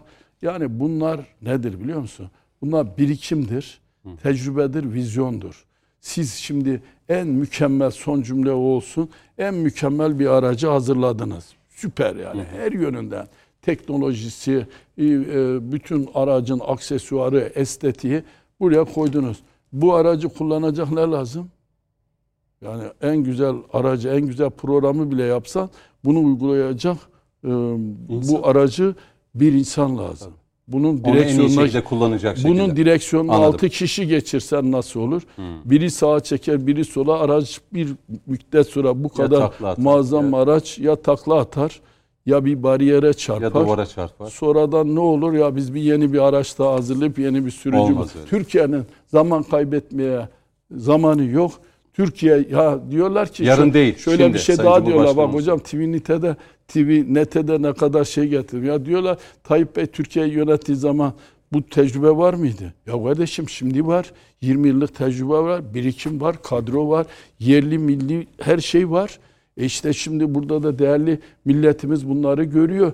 Burada bilinenler, yapılanlar, yapılamayanları söyleyen açık net bir lider var. E bunları görmek lazım yani Peki. 14 Mayıs'ta. Bir şey daha söyleyeyim. Ben yani 79'da asistan girdim. Üniversitelerdeki bana soruyor ki yine yetkili bir vekil. Yani bu sistem iyi bir şey mi? Üniversite kendisi seçsin. Ya üniversite hiçbir zaman kendisi seçmedi ki. 6 kişi seçerdik. 3 tanesini YÖK'eler Cumhurbaşkanı'na giderdi. Cumhurbaşkanı onu Orada da o gariban yani e, akademik kariyeri daha az olanlara ne baskılar yapılırdı. Kadroyu vermek için işte bu şu a- rektöre, mevcut rektöre vereceğim mi, vermeyeceğim mi neler çekildi. Yani burada sanki Evet, eski sistem süpermiş. Hı, hı, hı. YÖK'ü kaldır tamam. E sonra nasıl olacak bu kadar üniversitenin koordinasyonunu sağlama? E bir, bir cümle daha. Ya Mehmet Bey diyor ki Türkiye'nin ilk yüzde üniversitesi yok. E sen nasıl yapacaksın yüzde üniversite koyacaksın? Bir düğmeye basacaksın. Yüzde üniversiteye girecek. Onda da şöyle bir yorum yapıyorum. Diyorum acaba üniversite sayılarını fazla buldular. Bazılarını Hukuk kapatıp kapatacaklar. kapatacaklar. Bazı hocaları başka üniversitelere transfer edip devletin bazı alanlarını da orra- onlara mekan açıp oradan belki yani kaç sene sonra yapacak ama kaç kişi bu arada üniversite sınavlarında açıkta kalacak. Başka yetişmiş hocalar işsiz kalacak. Akademik kariyer yapmak Anladım. isteyenlerin önü tıkanacak. Yani burada Sayın e, Genel Başkan Yardımcım size de yeni dönemde başarılar diliyoruz. Sağ olun, teşekkür ederiz. Genel Başkanımıza da buradan selamlarımızı gönderiyoruz. Sağ olun. Yani sizden ne olur bak yeni kurulmuş bir partisiniz. Yazacağınız programların teorik değil uygulamaya dönük olması lazım. Tamam birazdan söz Teşekkür veririz. Bunlara, Peki. bunlara Coş- dikkat edin. Ne olur. Coşkun Bey ne soracaktın? Bana mı soracaktınız? Sana soracaktım da. Ee, ama çok su aktı üstünden. O, o zaman Karayolundan girdik, üniversiteden çıktık. Taklatıyor dedi ya. Çıkacağız Evet. hocam. Mustafa Hocam'ın adı. Şimdi Aziz Bey'e döneyim Buyurun, yavaş yavaş. Şimdi tamam 244 sayfa 9 ana 70 alt başlık işte 2300 madde ama ortada aday yok. Şimdi adayla alakalı 13 Şubat'a dair bir vurgu yapıldı. Ama orada da itirazlar çıktı. Hem İyi Parti hem DEVA'dan yani bu sürede uzayabilir. Bugün itibariyle takvim galiba 102 güne düştü. Evet. Yani artık birkaç gün sonra geri sayım başlayacak. Hani plakalara askerde şafak sayılırdı Evet, eskiden. plaka. Komutanım daha iyi bilir. Dolayısıyla bu 13 Şubat'ta adayı Kılıçdaroğlu ısrarla vurguluyor. Nasıl bir süreç bekliyorsunuz orada? İyi Parti'nin tavrı ne olacak? Süre hani illa 13 Şubat değil de e, bu süre biraz daha uzayabilir derken ne amaçlanıyor? Ne öngörüyorsunuz siz? Şimdi açıkçası hem bu metinle ilgili bazı şeyleri tekrar ilave etmek isterim. Bu arada sizin sorunuzu hemen cevaplandırayım.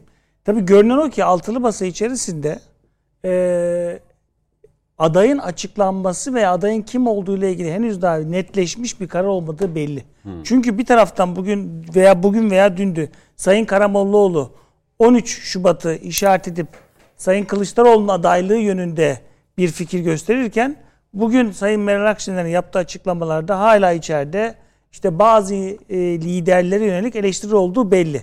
E, o noktada zaten Sayın e, Akşener'in uzun bir süredir seçilmesi büyük ihtimalle mümkün olan adayın gösterilmesi gibi bir ifadeyle ortaya koyduğu bir tercih var.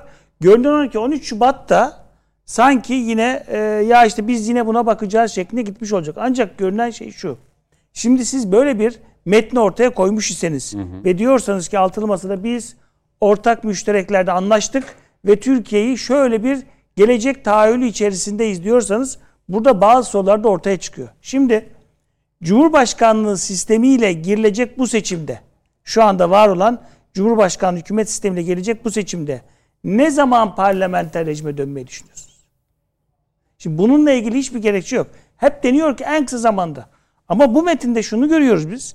Bu metinde 5 sene sonrasında hedefler var. 7 sene sonrasında hedefler var. Hatta az önce hem Sayın Ilıcalı hem Sayın Başbuğ da ifade etti. Daha ileriye giden hedefler var. Anayasa değişikliğini gerektiren hedefler var. Dolayısıyla bu seçilecek kişi kimse bir kere o zaman çıkacak diyecek ki altılı masadan birisi olacak. Evet ben bu metni zaten daha önce kabul etmiştim ve altı imzalamıştım diyecek. Farklı bir aday çıkarsa, Çıkarsa? benim daha başka bir gündemim var dediğinde varsayalım e, işte Sayın Belediye Başkanı'ndan bir tanesi.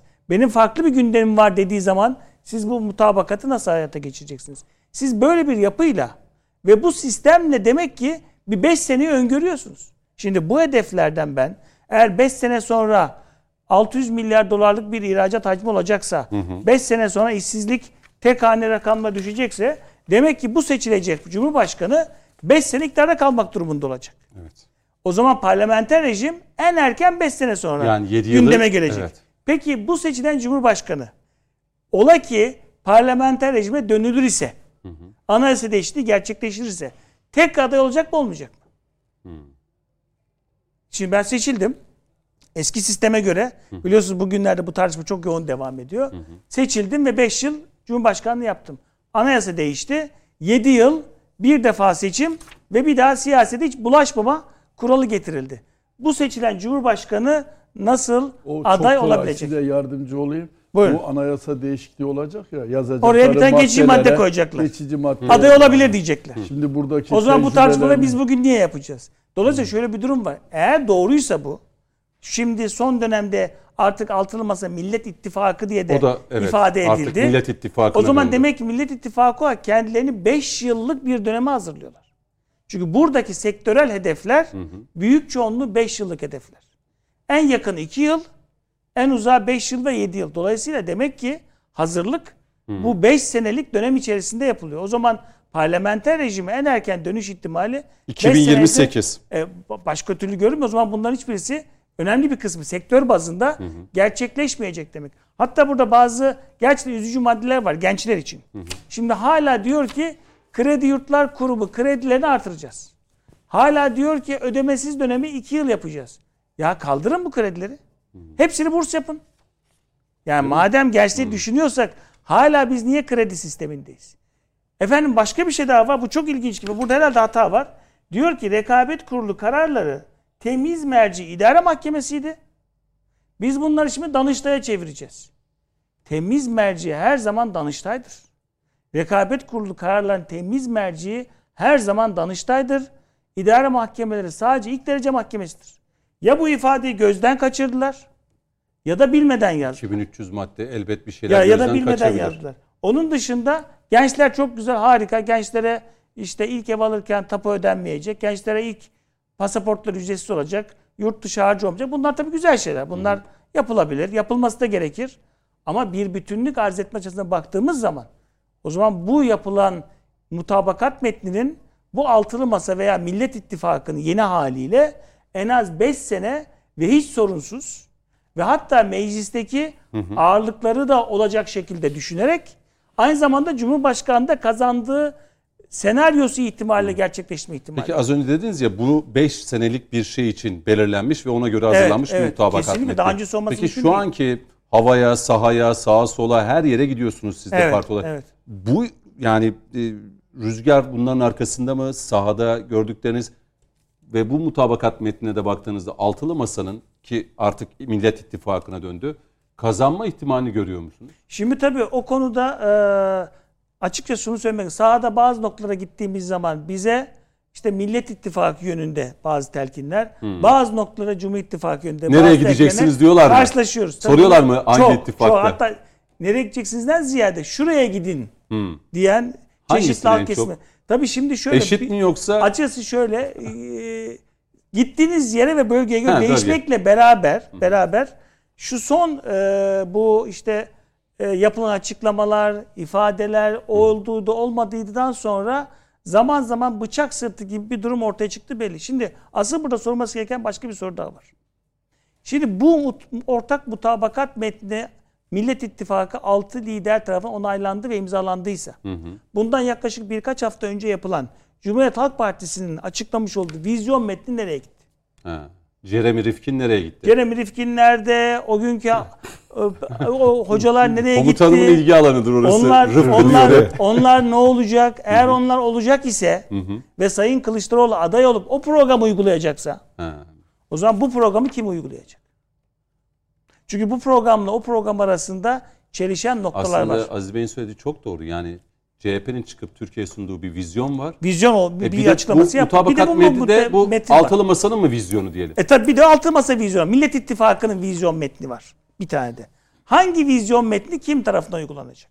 Şöyle Çok güzel Bütün soru. bu adaylardan çıkan sorunun başka cevabı- bir aday. Örneğin Cüneyt Özdemir aday olursa Cüneyt Özdemir'in vizyon metni nasıl olacak? Cevap Ve bunu açık. kim ve nasıl uygulayacak? Dolayısıyla sorun şu ki halkın da artık bir netleşmeye ihtiyacı var. Kafası net olması lazım. Ben kime nasıl oy vereceğim veya vermeyeceğim.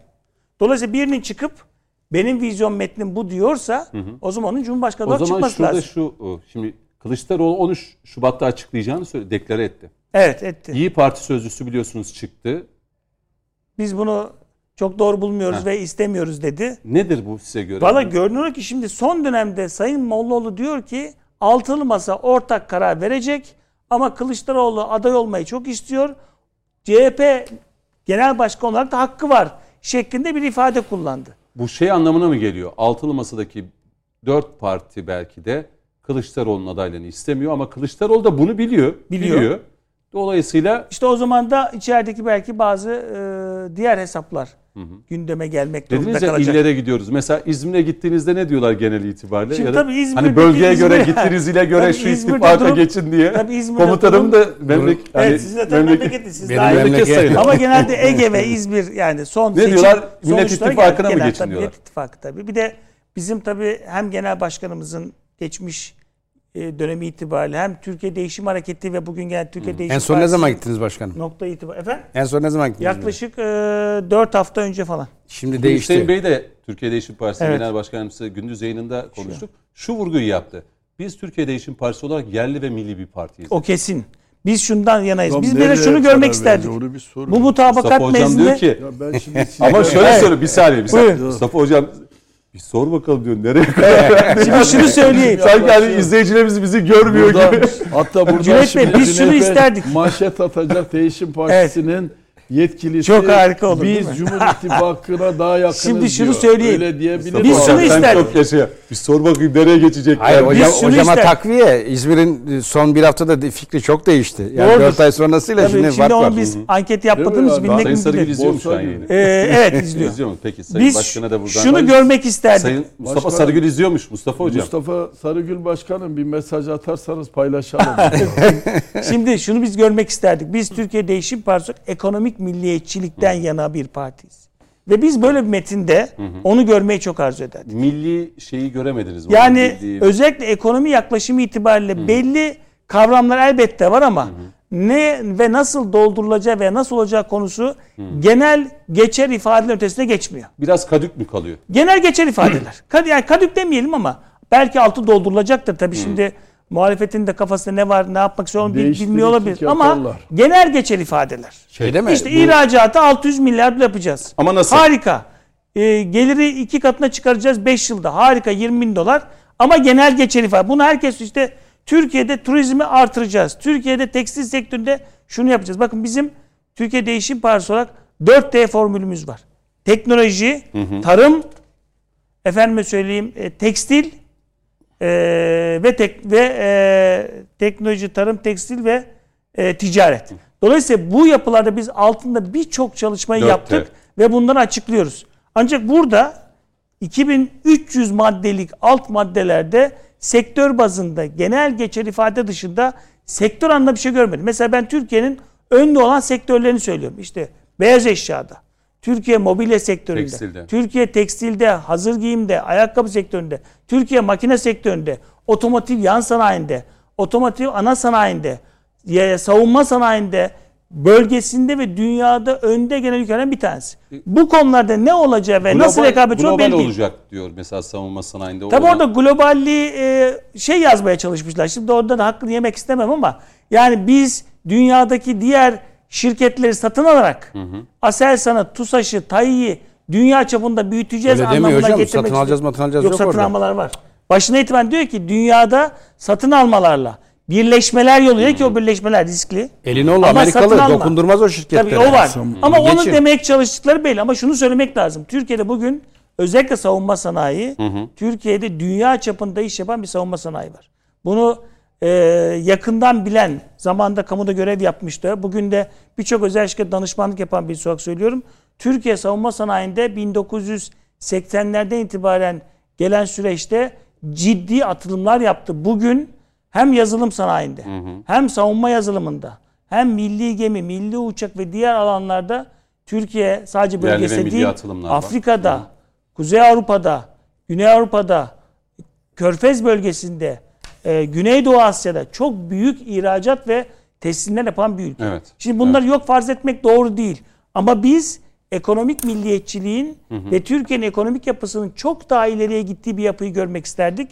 Çünkü onun dışında göremedik diyorsunuz. Yani genel geçer ifade daha şey lazım. sorayım mı hocama? Buyurun. Şimdi sormayalım. Yok, Coşkun, doktor- Kom- Coşkun komutanıma sözü Yok vereyim. somut bir şey var. Coşkun Bey'e sorayım. Coşkun Bey, yerli, milli, milli savunma sanayi.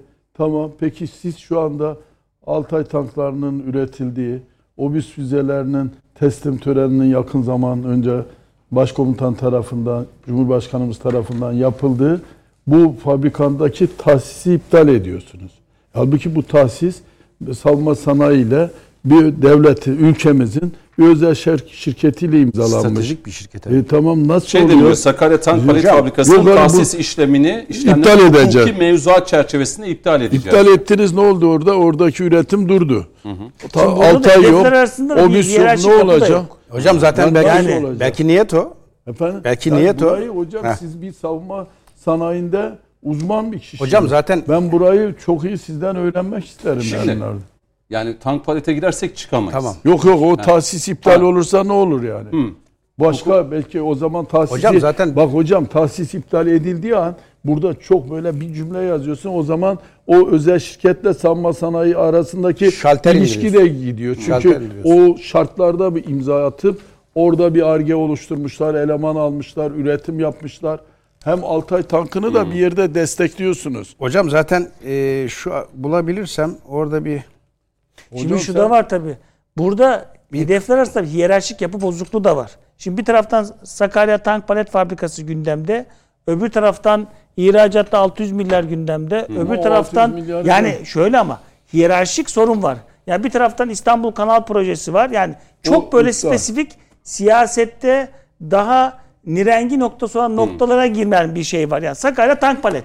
Ya bu çok spesifik bir şey bu yani. şimdi Bu böyle bir hedef ortaya koymak anlamlı değil. Buyurun komutanım. şöyle diyor mesela bir çelişkili maddelerden biri ki Mustafa hocamın değil mi e, hocam? yaka- yakaladınız. Hem de 30'unda yakaladım onu. Şimdi şöyle diyor. Savunma sanayinde özel sektörün önünü açacak. Evet. Bakın bu tezatı vurgulasın diye O da söylüyorum. özel sektör. Ve sektörde adil rekabeti sağlayacağız. Bakın Ali Babacan bir şeylere dokunmaya kalktı. Millet de iyi dokundu ama e, bu söze karşılık. Şimdi burada şunu iddia etti Ali Babacan. Efendim dedi özel sektörde rekabet mekabet işte tek bir şirkete. Ya ne alakası var? Lockheed Martin işte az önce hocam onun için itiraz ettim başkanıma. Hani diyor ya dışarıdan şirket satın alacağız diye. Öyle onu- ifade var, evet. Ben onu okumadım. Yalan yok. Başında E, öyle. sizden duydum. Ee, Amerika'da sen sıkı mı Lockheed Martin'i satın alasın? Stratejik, alamazsın tabii, stratejik şirket. Ülke ayağa kalkar. Sıkı mı Amerika'da Ali Babacan Lockheed Martin'e dokunacağız iktidara gelirsek desin. Başına neler geleceğini kendi çok daha iyi biliyor. Şimdi bu tür şirketler stratejik şirketler ve devlet tarafından korunması gereken şirketler. İsterseniz okuyayım hemen şu cümleyi. Konsolidasyon, stratejik satın almalar, birleşmeler, girişim sermayesi yatırımı ve etkin bir planlama ile özel sektörün de aktif desteğiyle Aselsan, TUSAŞ, TAİ, Ma- Makine Kimya, Roket Sanayi, TUSAŞ, e, Hav- Havelsan gibi global şirketle dönüştüreceğiz. Birleşmeler biraz benim de e, canımı sıktı gibi. Kimle birleşme yani? Bakın bakın var ya bu e, üstü örtü bir tehdit bu cümle. Ben çok tehlikeli buluyorum. Bu tür şirketler namahremdir. İçine kapalıdır. Lockheed Martin hadi gitti ki ben Aselsan olarak Ya geldim. Boeing'e. Aç kapıları de. Mümkün değil. Ya biz e, İsrail'e o Heron döneminde dedik ki merceğini biz yapalım dedik Aselsan'la. Bak senden çamur gibi görüntü geliyor. Bir şey anlamıyoruz. Mercek kısmını biz üretelim. Hayır dedi. Yerinde kal dedi. Asla. Çünkü bunlar dediğin gibi stratejik şirketlerdir. Hani özel sektör gibi görünse de devlet korur, kollar önünü açar. Lockheed Martin böyle bir şirket veya diğer silah şirketleri. Vakfın şirketleri zaten bunlar. Heh, Şimdi burada Ali Babacan'ın yarattığı hava şu.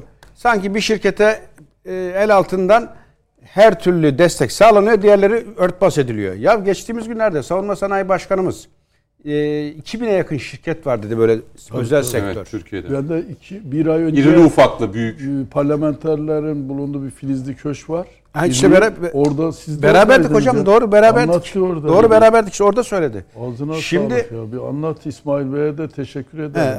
Allah yollarını açık etsin. Ve burada e, sistem şu. Hani devlet o namahremi de nasıl koruyor izleyenlerin ufku açılsın diye e, aktarayım. Şu kapak. Geliyorum ben başkanıma. Bana bunu üretir misin? Zaten ben biliyorum o şirketin imkan kabiliyetini. Üretiyor. Ne için ürettiğini bilmiyor. Ve ama milli bir dava, milli bir konu için ürettiğini biliyor. Ben buradan Babacan'a şunu tavsiye ederim. Hani diyor ya rekabet yaratacağız işte bu şeyde de böyle, maddelerin içinde de böyle. Bir git sorsana şirketler aranızda bir rekabet var mı diye. Bakın inanın hiçbiri maddi konuyu gözetmeden direkt milli bekadır, menfaattir, ulusal bir davadır bu diyerek işin içine girip ortaklık yapıyorlar. Ve hiçbir rekabet yok. Tam tersi birbiriyle yarışıyorlar. Daha en iyisini nasıl yapabilirim diye. Dolayısıyla buradaki o söylemi kabul etmek mümkün değil. Benim zaten tehlikeli bulduğum hususlardan biri ki o ki yakaladın sen de az önce. Burada e, net olarak bir kasıt var. Yani Babacan'ın aslında şu son söyledikleri var ya e, özellikle yani batıya yönelik söylemleri Avrupa işte- bize aferin diyecek. Az önce ha şimdi sorunun yeri geldi. Sana onu soracaktım.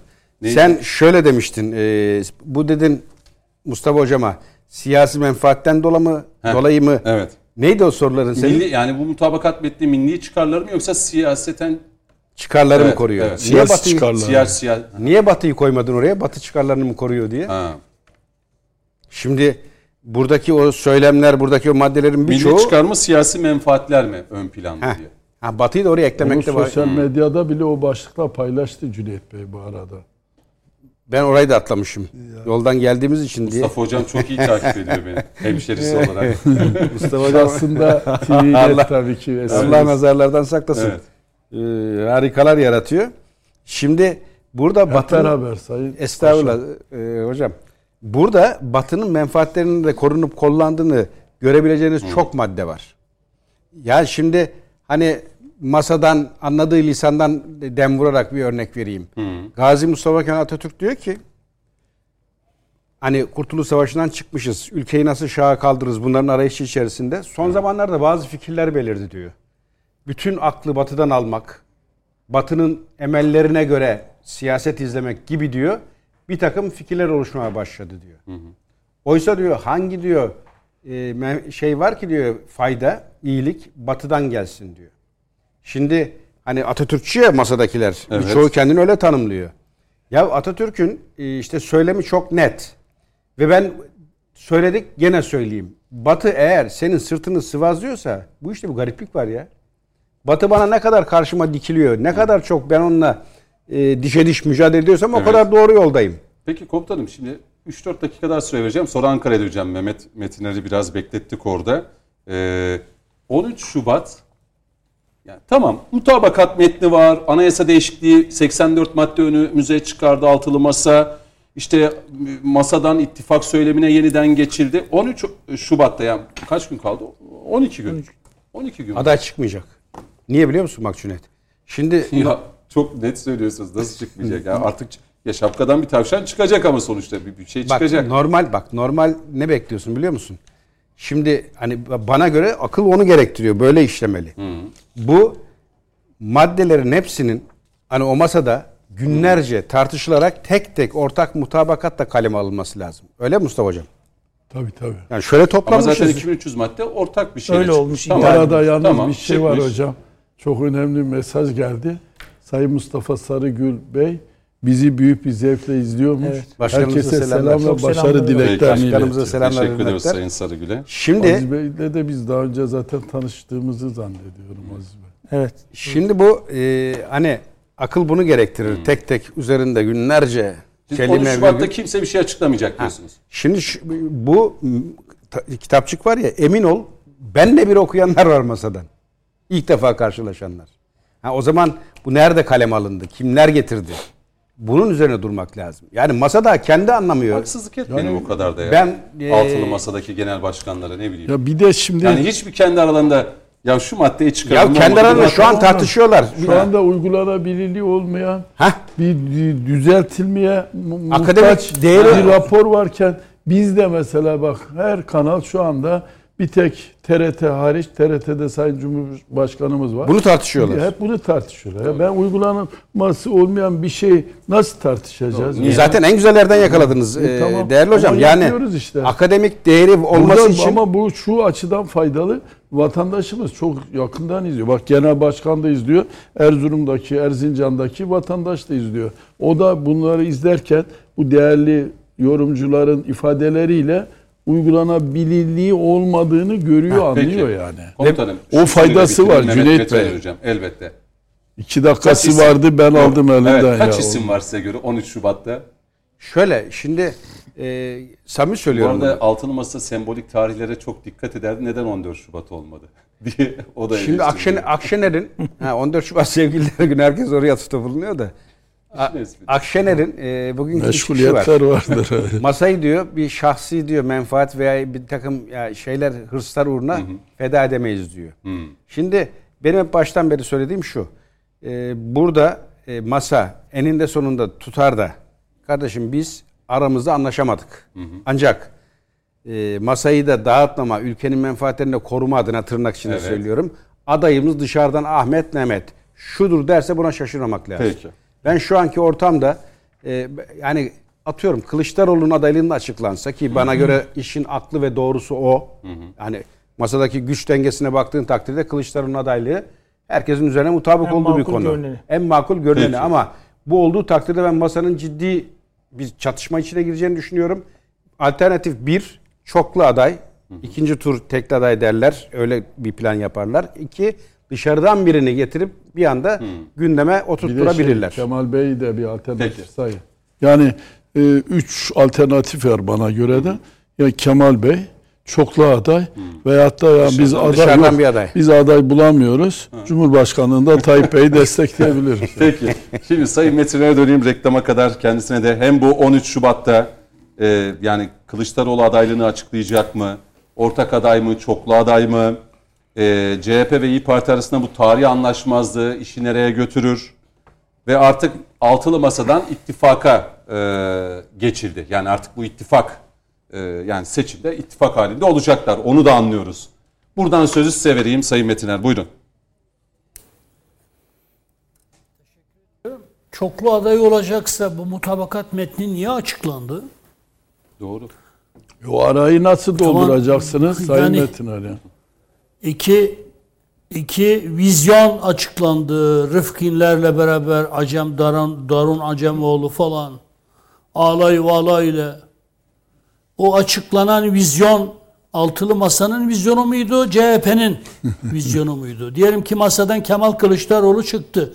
İnşallah çıkar. Ee, yani e, Kemal Bey o açıkladığı vizyon belgesini ve partisinin açıkladığı vizyon belgesini mi esas alıp halktan destek isteyecek yoksa ortak politikalar mutabakat metnini mi? Bu kadar şova ne gerek var? Yani seçim tarihi açıklandığında biz adayımızı açıklarız diyen o masadakiler değil miydi? Şimdi seçim tarihi açıklandı 14 Mayıs. Evet. Meclis eğer 14 Mayıs kararını almazsa Sayın Cumhurbaşkanı ben yetkimi kullanarak 14 Mayıs'ta seçime gideceğim, ülkeyi seçime götüreceğim diyor. Peki seçim tarihi ilan edildiği halde altılı masa niye bir türlü adayını ortaya çıkaramıyor? Bir. İkincisi bakın siyasetle uğraşıyoruz. Hepimiz siyasetle uğraşıyoruz. Siyaset ilkeli bir iştir. Siyaset kutsal bir iştir.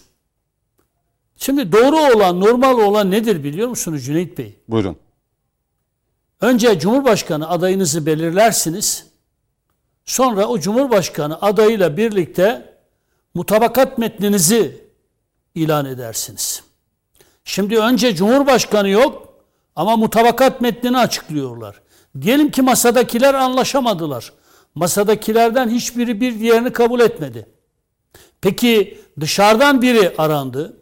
Dışarıdan arananlardan biri de İmamoğlu olsun. İmamoğlu'nun nasıl bir siyasi anlayışa sahip olduğunu herkes biliyor. Cumhurbaşkanının mevcut yetkilerini bile kendisi için az gören bir kişi. Şimdi e, nasıl buna razı olacak?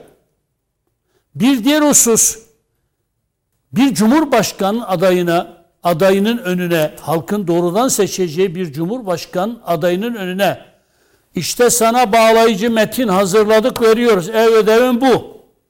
Bu şekilde düşüneceksin, bu şekilde yapacaksın demek siyasi nezaketle, milli iradeyle bağdaşır bir tutum mu ya? Eskiden Milli Güvenlik Kurulu'nda yani vesayetin olduğu dönemde bunu herkes iyi dinlesin. Lütfen rica ediyorum. Bu çok ciddi bir zihni kırılmadır ve ciddi bir milli iradeye karşı suikasttır. Milli Güvenlik Kurulu'nda askerler otururlardı. Siyasetçilerin önüne bir belge koyarlardı.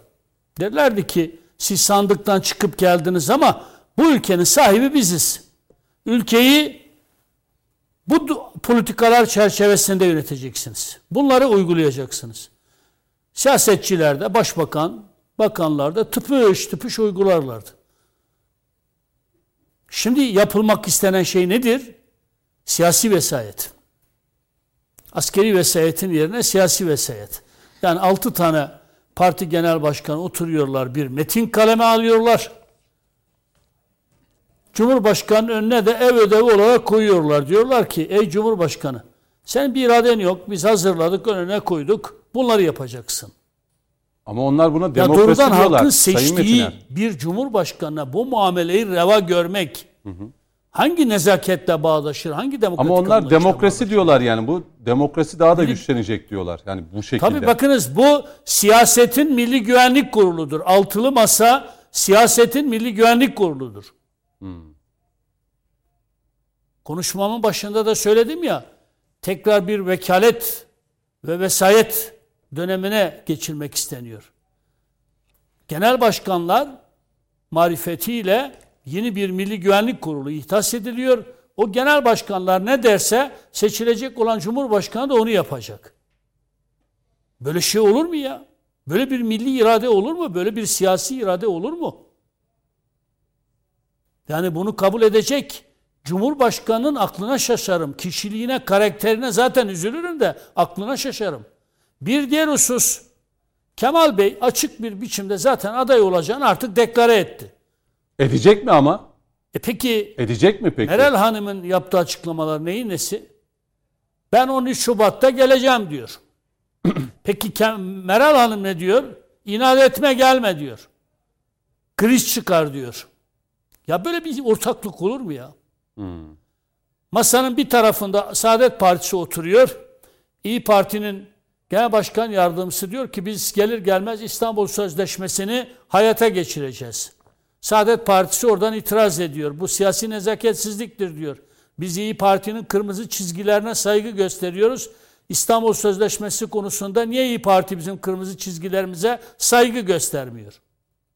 Peki diyelim ki Ali Babacan çıktı dedi ki kardeşim Kürtçe ana dilde eğitim bizim olmazsa olmazımızdır. Türkçenin yanına Kürtçenin de resmi dil olarak konulmasını istiyoruz. Özellik istiyoruz vesaire vesaire. Ne olur o masa? Ülke ne olur?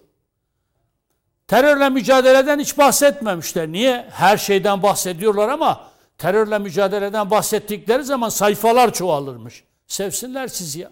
Hem ülkenin en temel meselesi mutlaka acilen çözülmesi gereken meselesi Kürt meselesidir diyeceksiniz ki üstelik çözülmüş bir mesele olduğu halde hadi diyelim ki çözülmediğini varsayalım. ülkenin en önemli meselesi, çözülmesi gereken meselesi olarak ortaya koyduğunuz bu meseleye dair bir tek kelamınız yok ya. Bir tek kelamınız yok sizin. Böyle bir ülke yönetimi olur mu? Diyelim ki Ali Babacan masadan Cumhurbaşkanı adayı olarak çıktı. Olmaz ya. Çıktı. Bu mutabakat metnine göre ülke yönetecekse benim Kürt kardeşlerim bu ülkenin onurlu Kürt vatandaşları çıkıp Ali Babacan'a şunu sormayacaklar mı? Sen bize şunları şunları yapacağım dedin. Ana dilde eğitimden tut başka şeye varıncaya kadar. Peki mutabakat metninde bu yok sana niye oy verelim diye sormazlar mı? Ali Babacan ne diyecek buna? Peki terörle mücadele konusunda niye PKK'nın adını anmıyorsun? HDP'den dolayı PKK'nın adını anmıyorsun. Peki ben soruyorum. Suriye'nin kuzeyinde tezkere gerektiği zaman CHP hayır diyecek, İyi Parti evet diyecek. Ne olacak peki? Ne olacak? Nasıl terörle mücadele edecek? Hadi bir şey daha söyleyeyim. Hadi söyleyin reklama gidiyorum. Bir şey daha söyleyeyim. PKK, PKK eli silahlı bir terör örgütü. Eyvallah. Peki PKK'yı nasıl silahsızlandıracaksınız? PKK'yı bugünkü terörle mücadele yöntemleriyle mi bitirmeyi düşünüyorsunuz? Yoksa siyasi müzakere kanallarını açarak mı? HDP'yi tekrar e, muhatap kabul ederek siyasi müzakere kanallarını açarak mı? Bütün bu soruların cevapları var mı bizde? Yok. Niye söylemiyorlar? FETÖ'yle mücadele edeceğiz diyorlar. Peki FETÖ'nün siyasi ayağını arıyorlar. Peki FETÖ'nün siyasi ayağını bulmuş olsalardı merak ediyorum ne yapacaklardı? Diyelim ki partisi olmuş olsaydı FETÖ'nün kapatacaklar mıydı? Hayır. HDP'nin kapatılmaması gerektiğini savunuyorlar. PKK'nın partisinin kapatılmaması gerektiğini savunanlar FETÖ'nün partisi olduğunda kapatılması gerektiğini söyleyebilirler mi? Söylerlerse bu ilkesizlik olmaz mı? O zaman FETÖ'nün siyasi ayağını niye arayıp durdu Kemal Bey? Ne yapacaklardı bulsalardı? KHK'dan atılmış FETÖ'cüleri tekrar kamuya geri alacaklarını söylüyorlar. Böyle mi mücadele edecekler?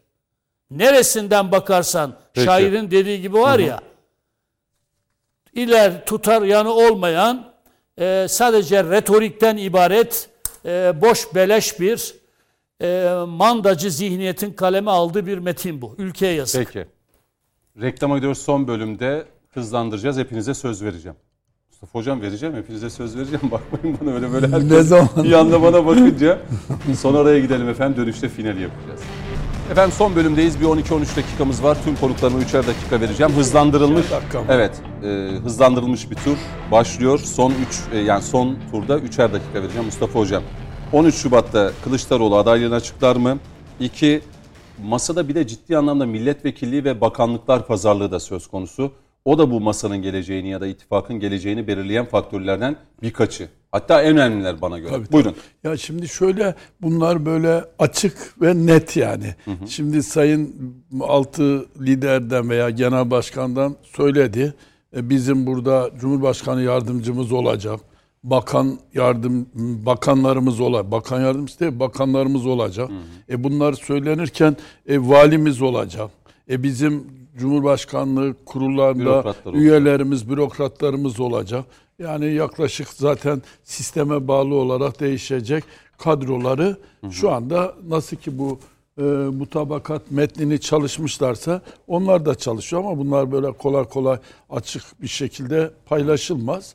Dolayısıyla yani sadece Cumhurbaşkanı için çalışılmıyor. İşte bütün o Cumhurbaşkanlığının yardımcıları, bakanlar, söyledik. 8 bin kişilik bir liste mi var? ne o 8 9 bin kişilik. Bir de bir şeyde yanlış anlaşılıyor yani e, sistem Allah korusun yani normalde Yani bu ittifak kazanırsa 8-9 bin kişilik yani bir hemen liste onlar varmış. dışarıda kalmıyor. Yenisi gelinceye kadar görev devam ediyor ama yani zaten böyle bir durumu inşallah değerli milletimizin desteğiyle olacak. Bu kadarlık bir 20 yıllık birikim, Türkiye vizyonu, Türkiye yüzyılını yazmış, gece gündüz koşturan bir ekip. Öbür tarafta sadece teorik bilgilerle birçok soru Ay işareti oluşturan o açıdan vatandaş çok 13 dikkatli. Şubat'ta ne olur? 13 Şubat'ta şöyle orada zaten yani akla gelen ne? Mutabakat metni belli olduğuna göre 13'ünde de lider açıklanır. Ne dedi diğer bir lider veya gen, lider dememek lazım. Genel başkan. Lider kolay bir terim değil yani. Normalde genel başkan. Sonuçta e, 13 Şubat'ta çıkmaz. Dedi ya biz Ne zaman 13'te çıkar? acele 13 etmeyin. Şubat'ta Yani zaten 92-93 gün kalıyor seçime. yani şöyle diyeceğim ama yanlış anlaşılmasın bir espri değil. Acaba Yüksek Seçim Kurulu listesinde mi göreceğiz yani nasıl olacak? Kime? Yani adayı. Ha.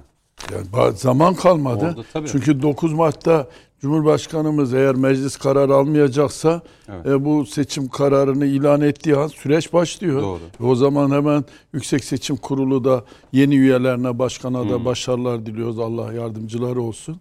Çok önemli bir süreci yönetecekler. O zaman zaten takvim belli olacak. Yani sizin yani diyelim bu- ki 13 Şubat'ta bunu açıklamadın. Ya zaten normal YSK'nın sürecine göre hiç zaman kalmıyor. Seçim 14 Mayıs'ta.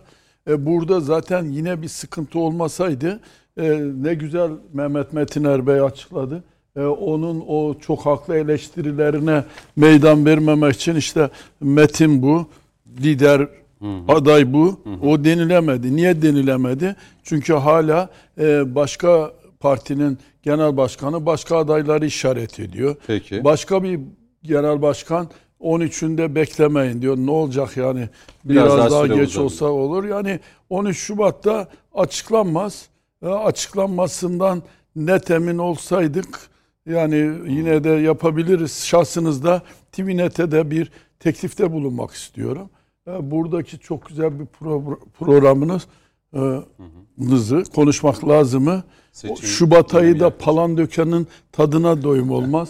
hem sabit e, konuşmacılarınız hem misafirlerinizle Palandöken'de bunu yapmayı teklif ediyorum Hem de ayrıca. havada tam kar tipi boran olsun. Ay, Şubat mükemmel.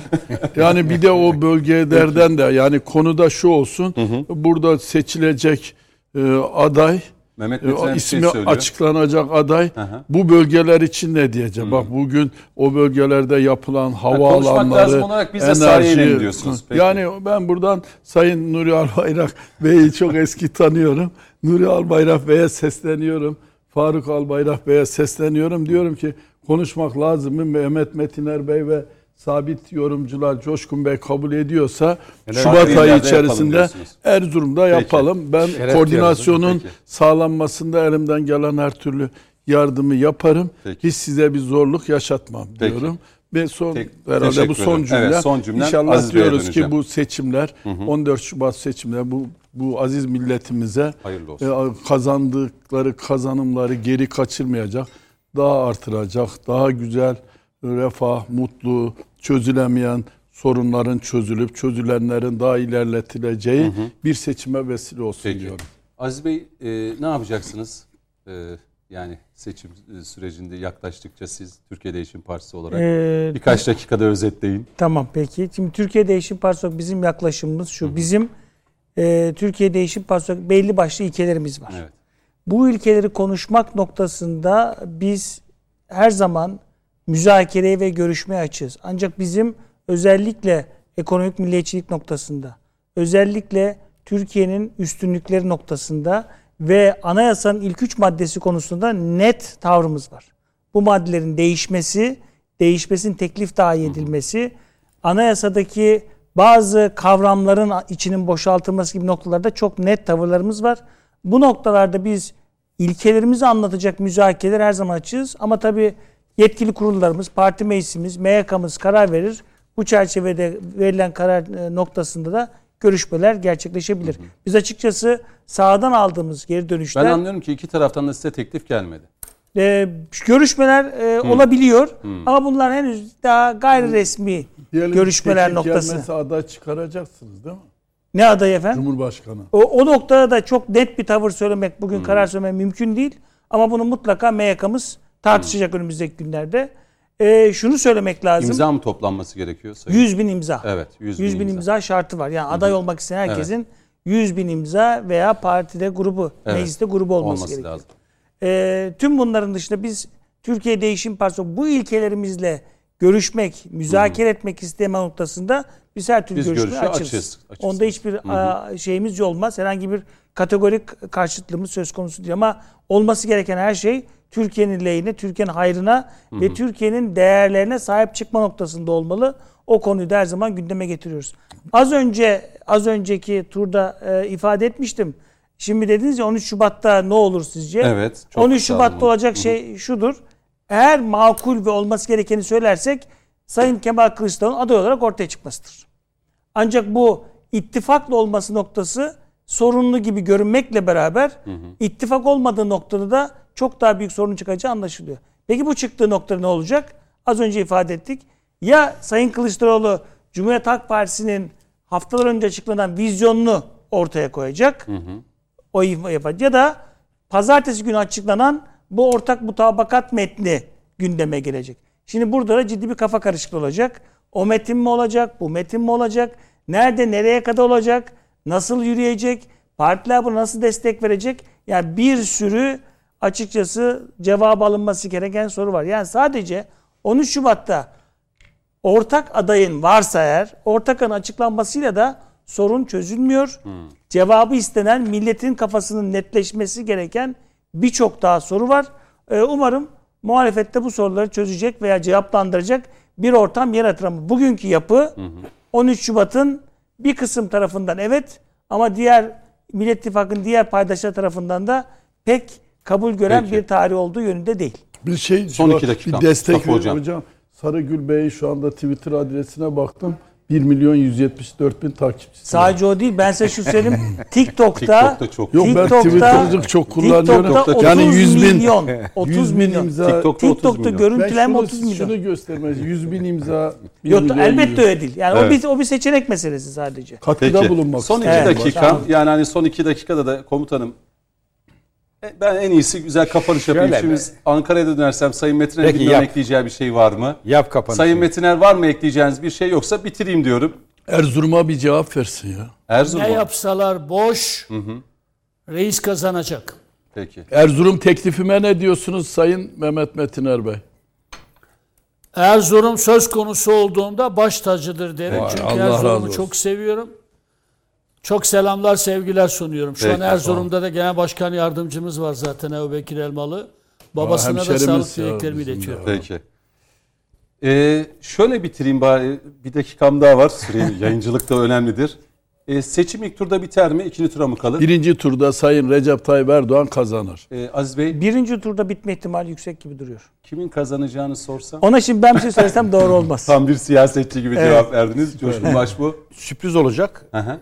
Uzak ara açık ara hem parlamento hem de Cumhurbaşkanı Erdoğan e, Peki. seçimi alacak. Sayın Metiner'den de zaten cevabı aldım.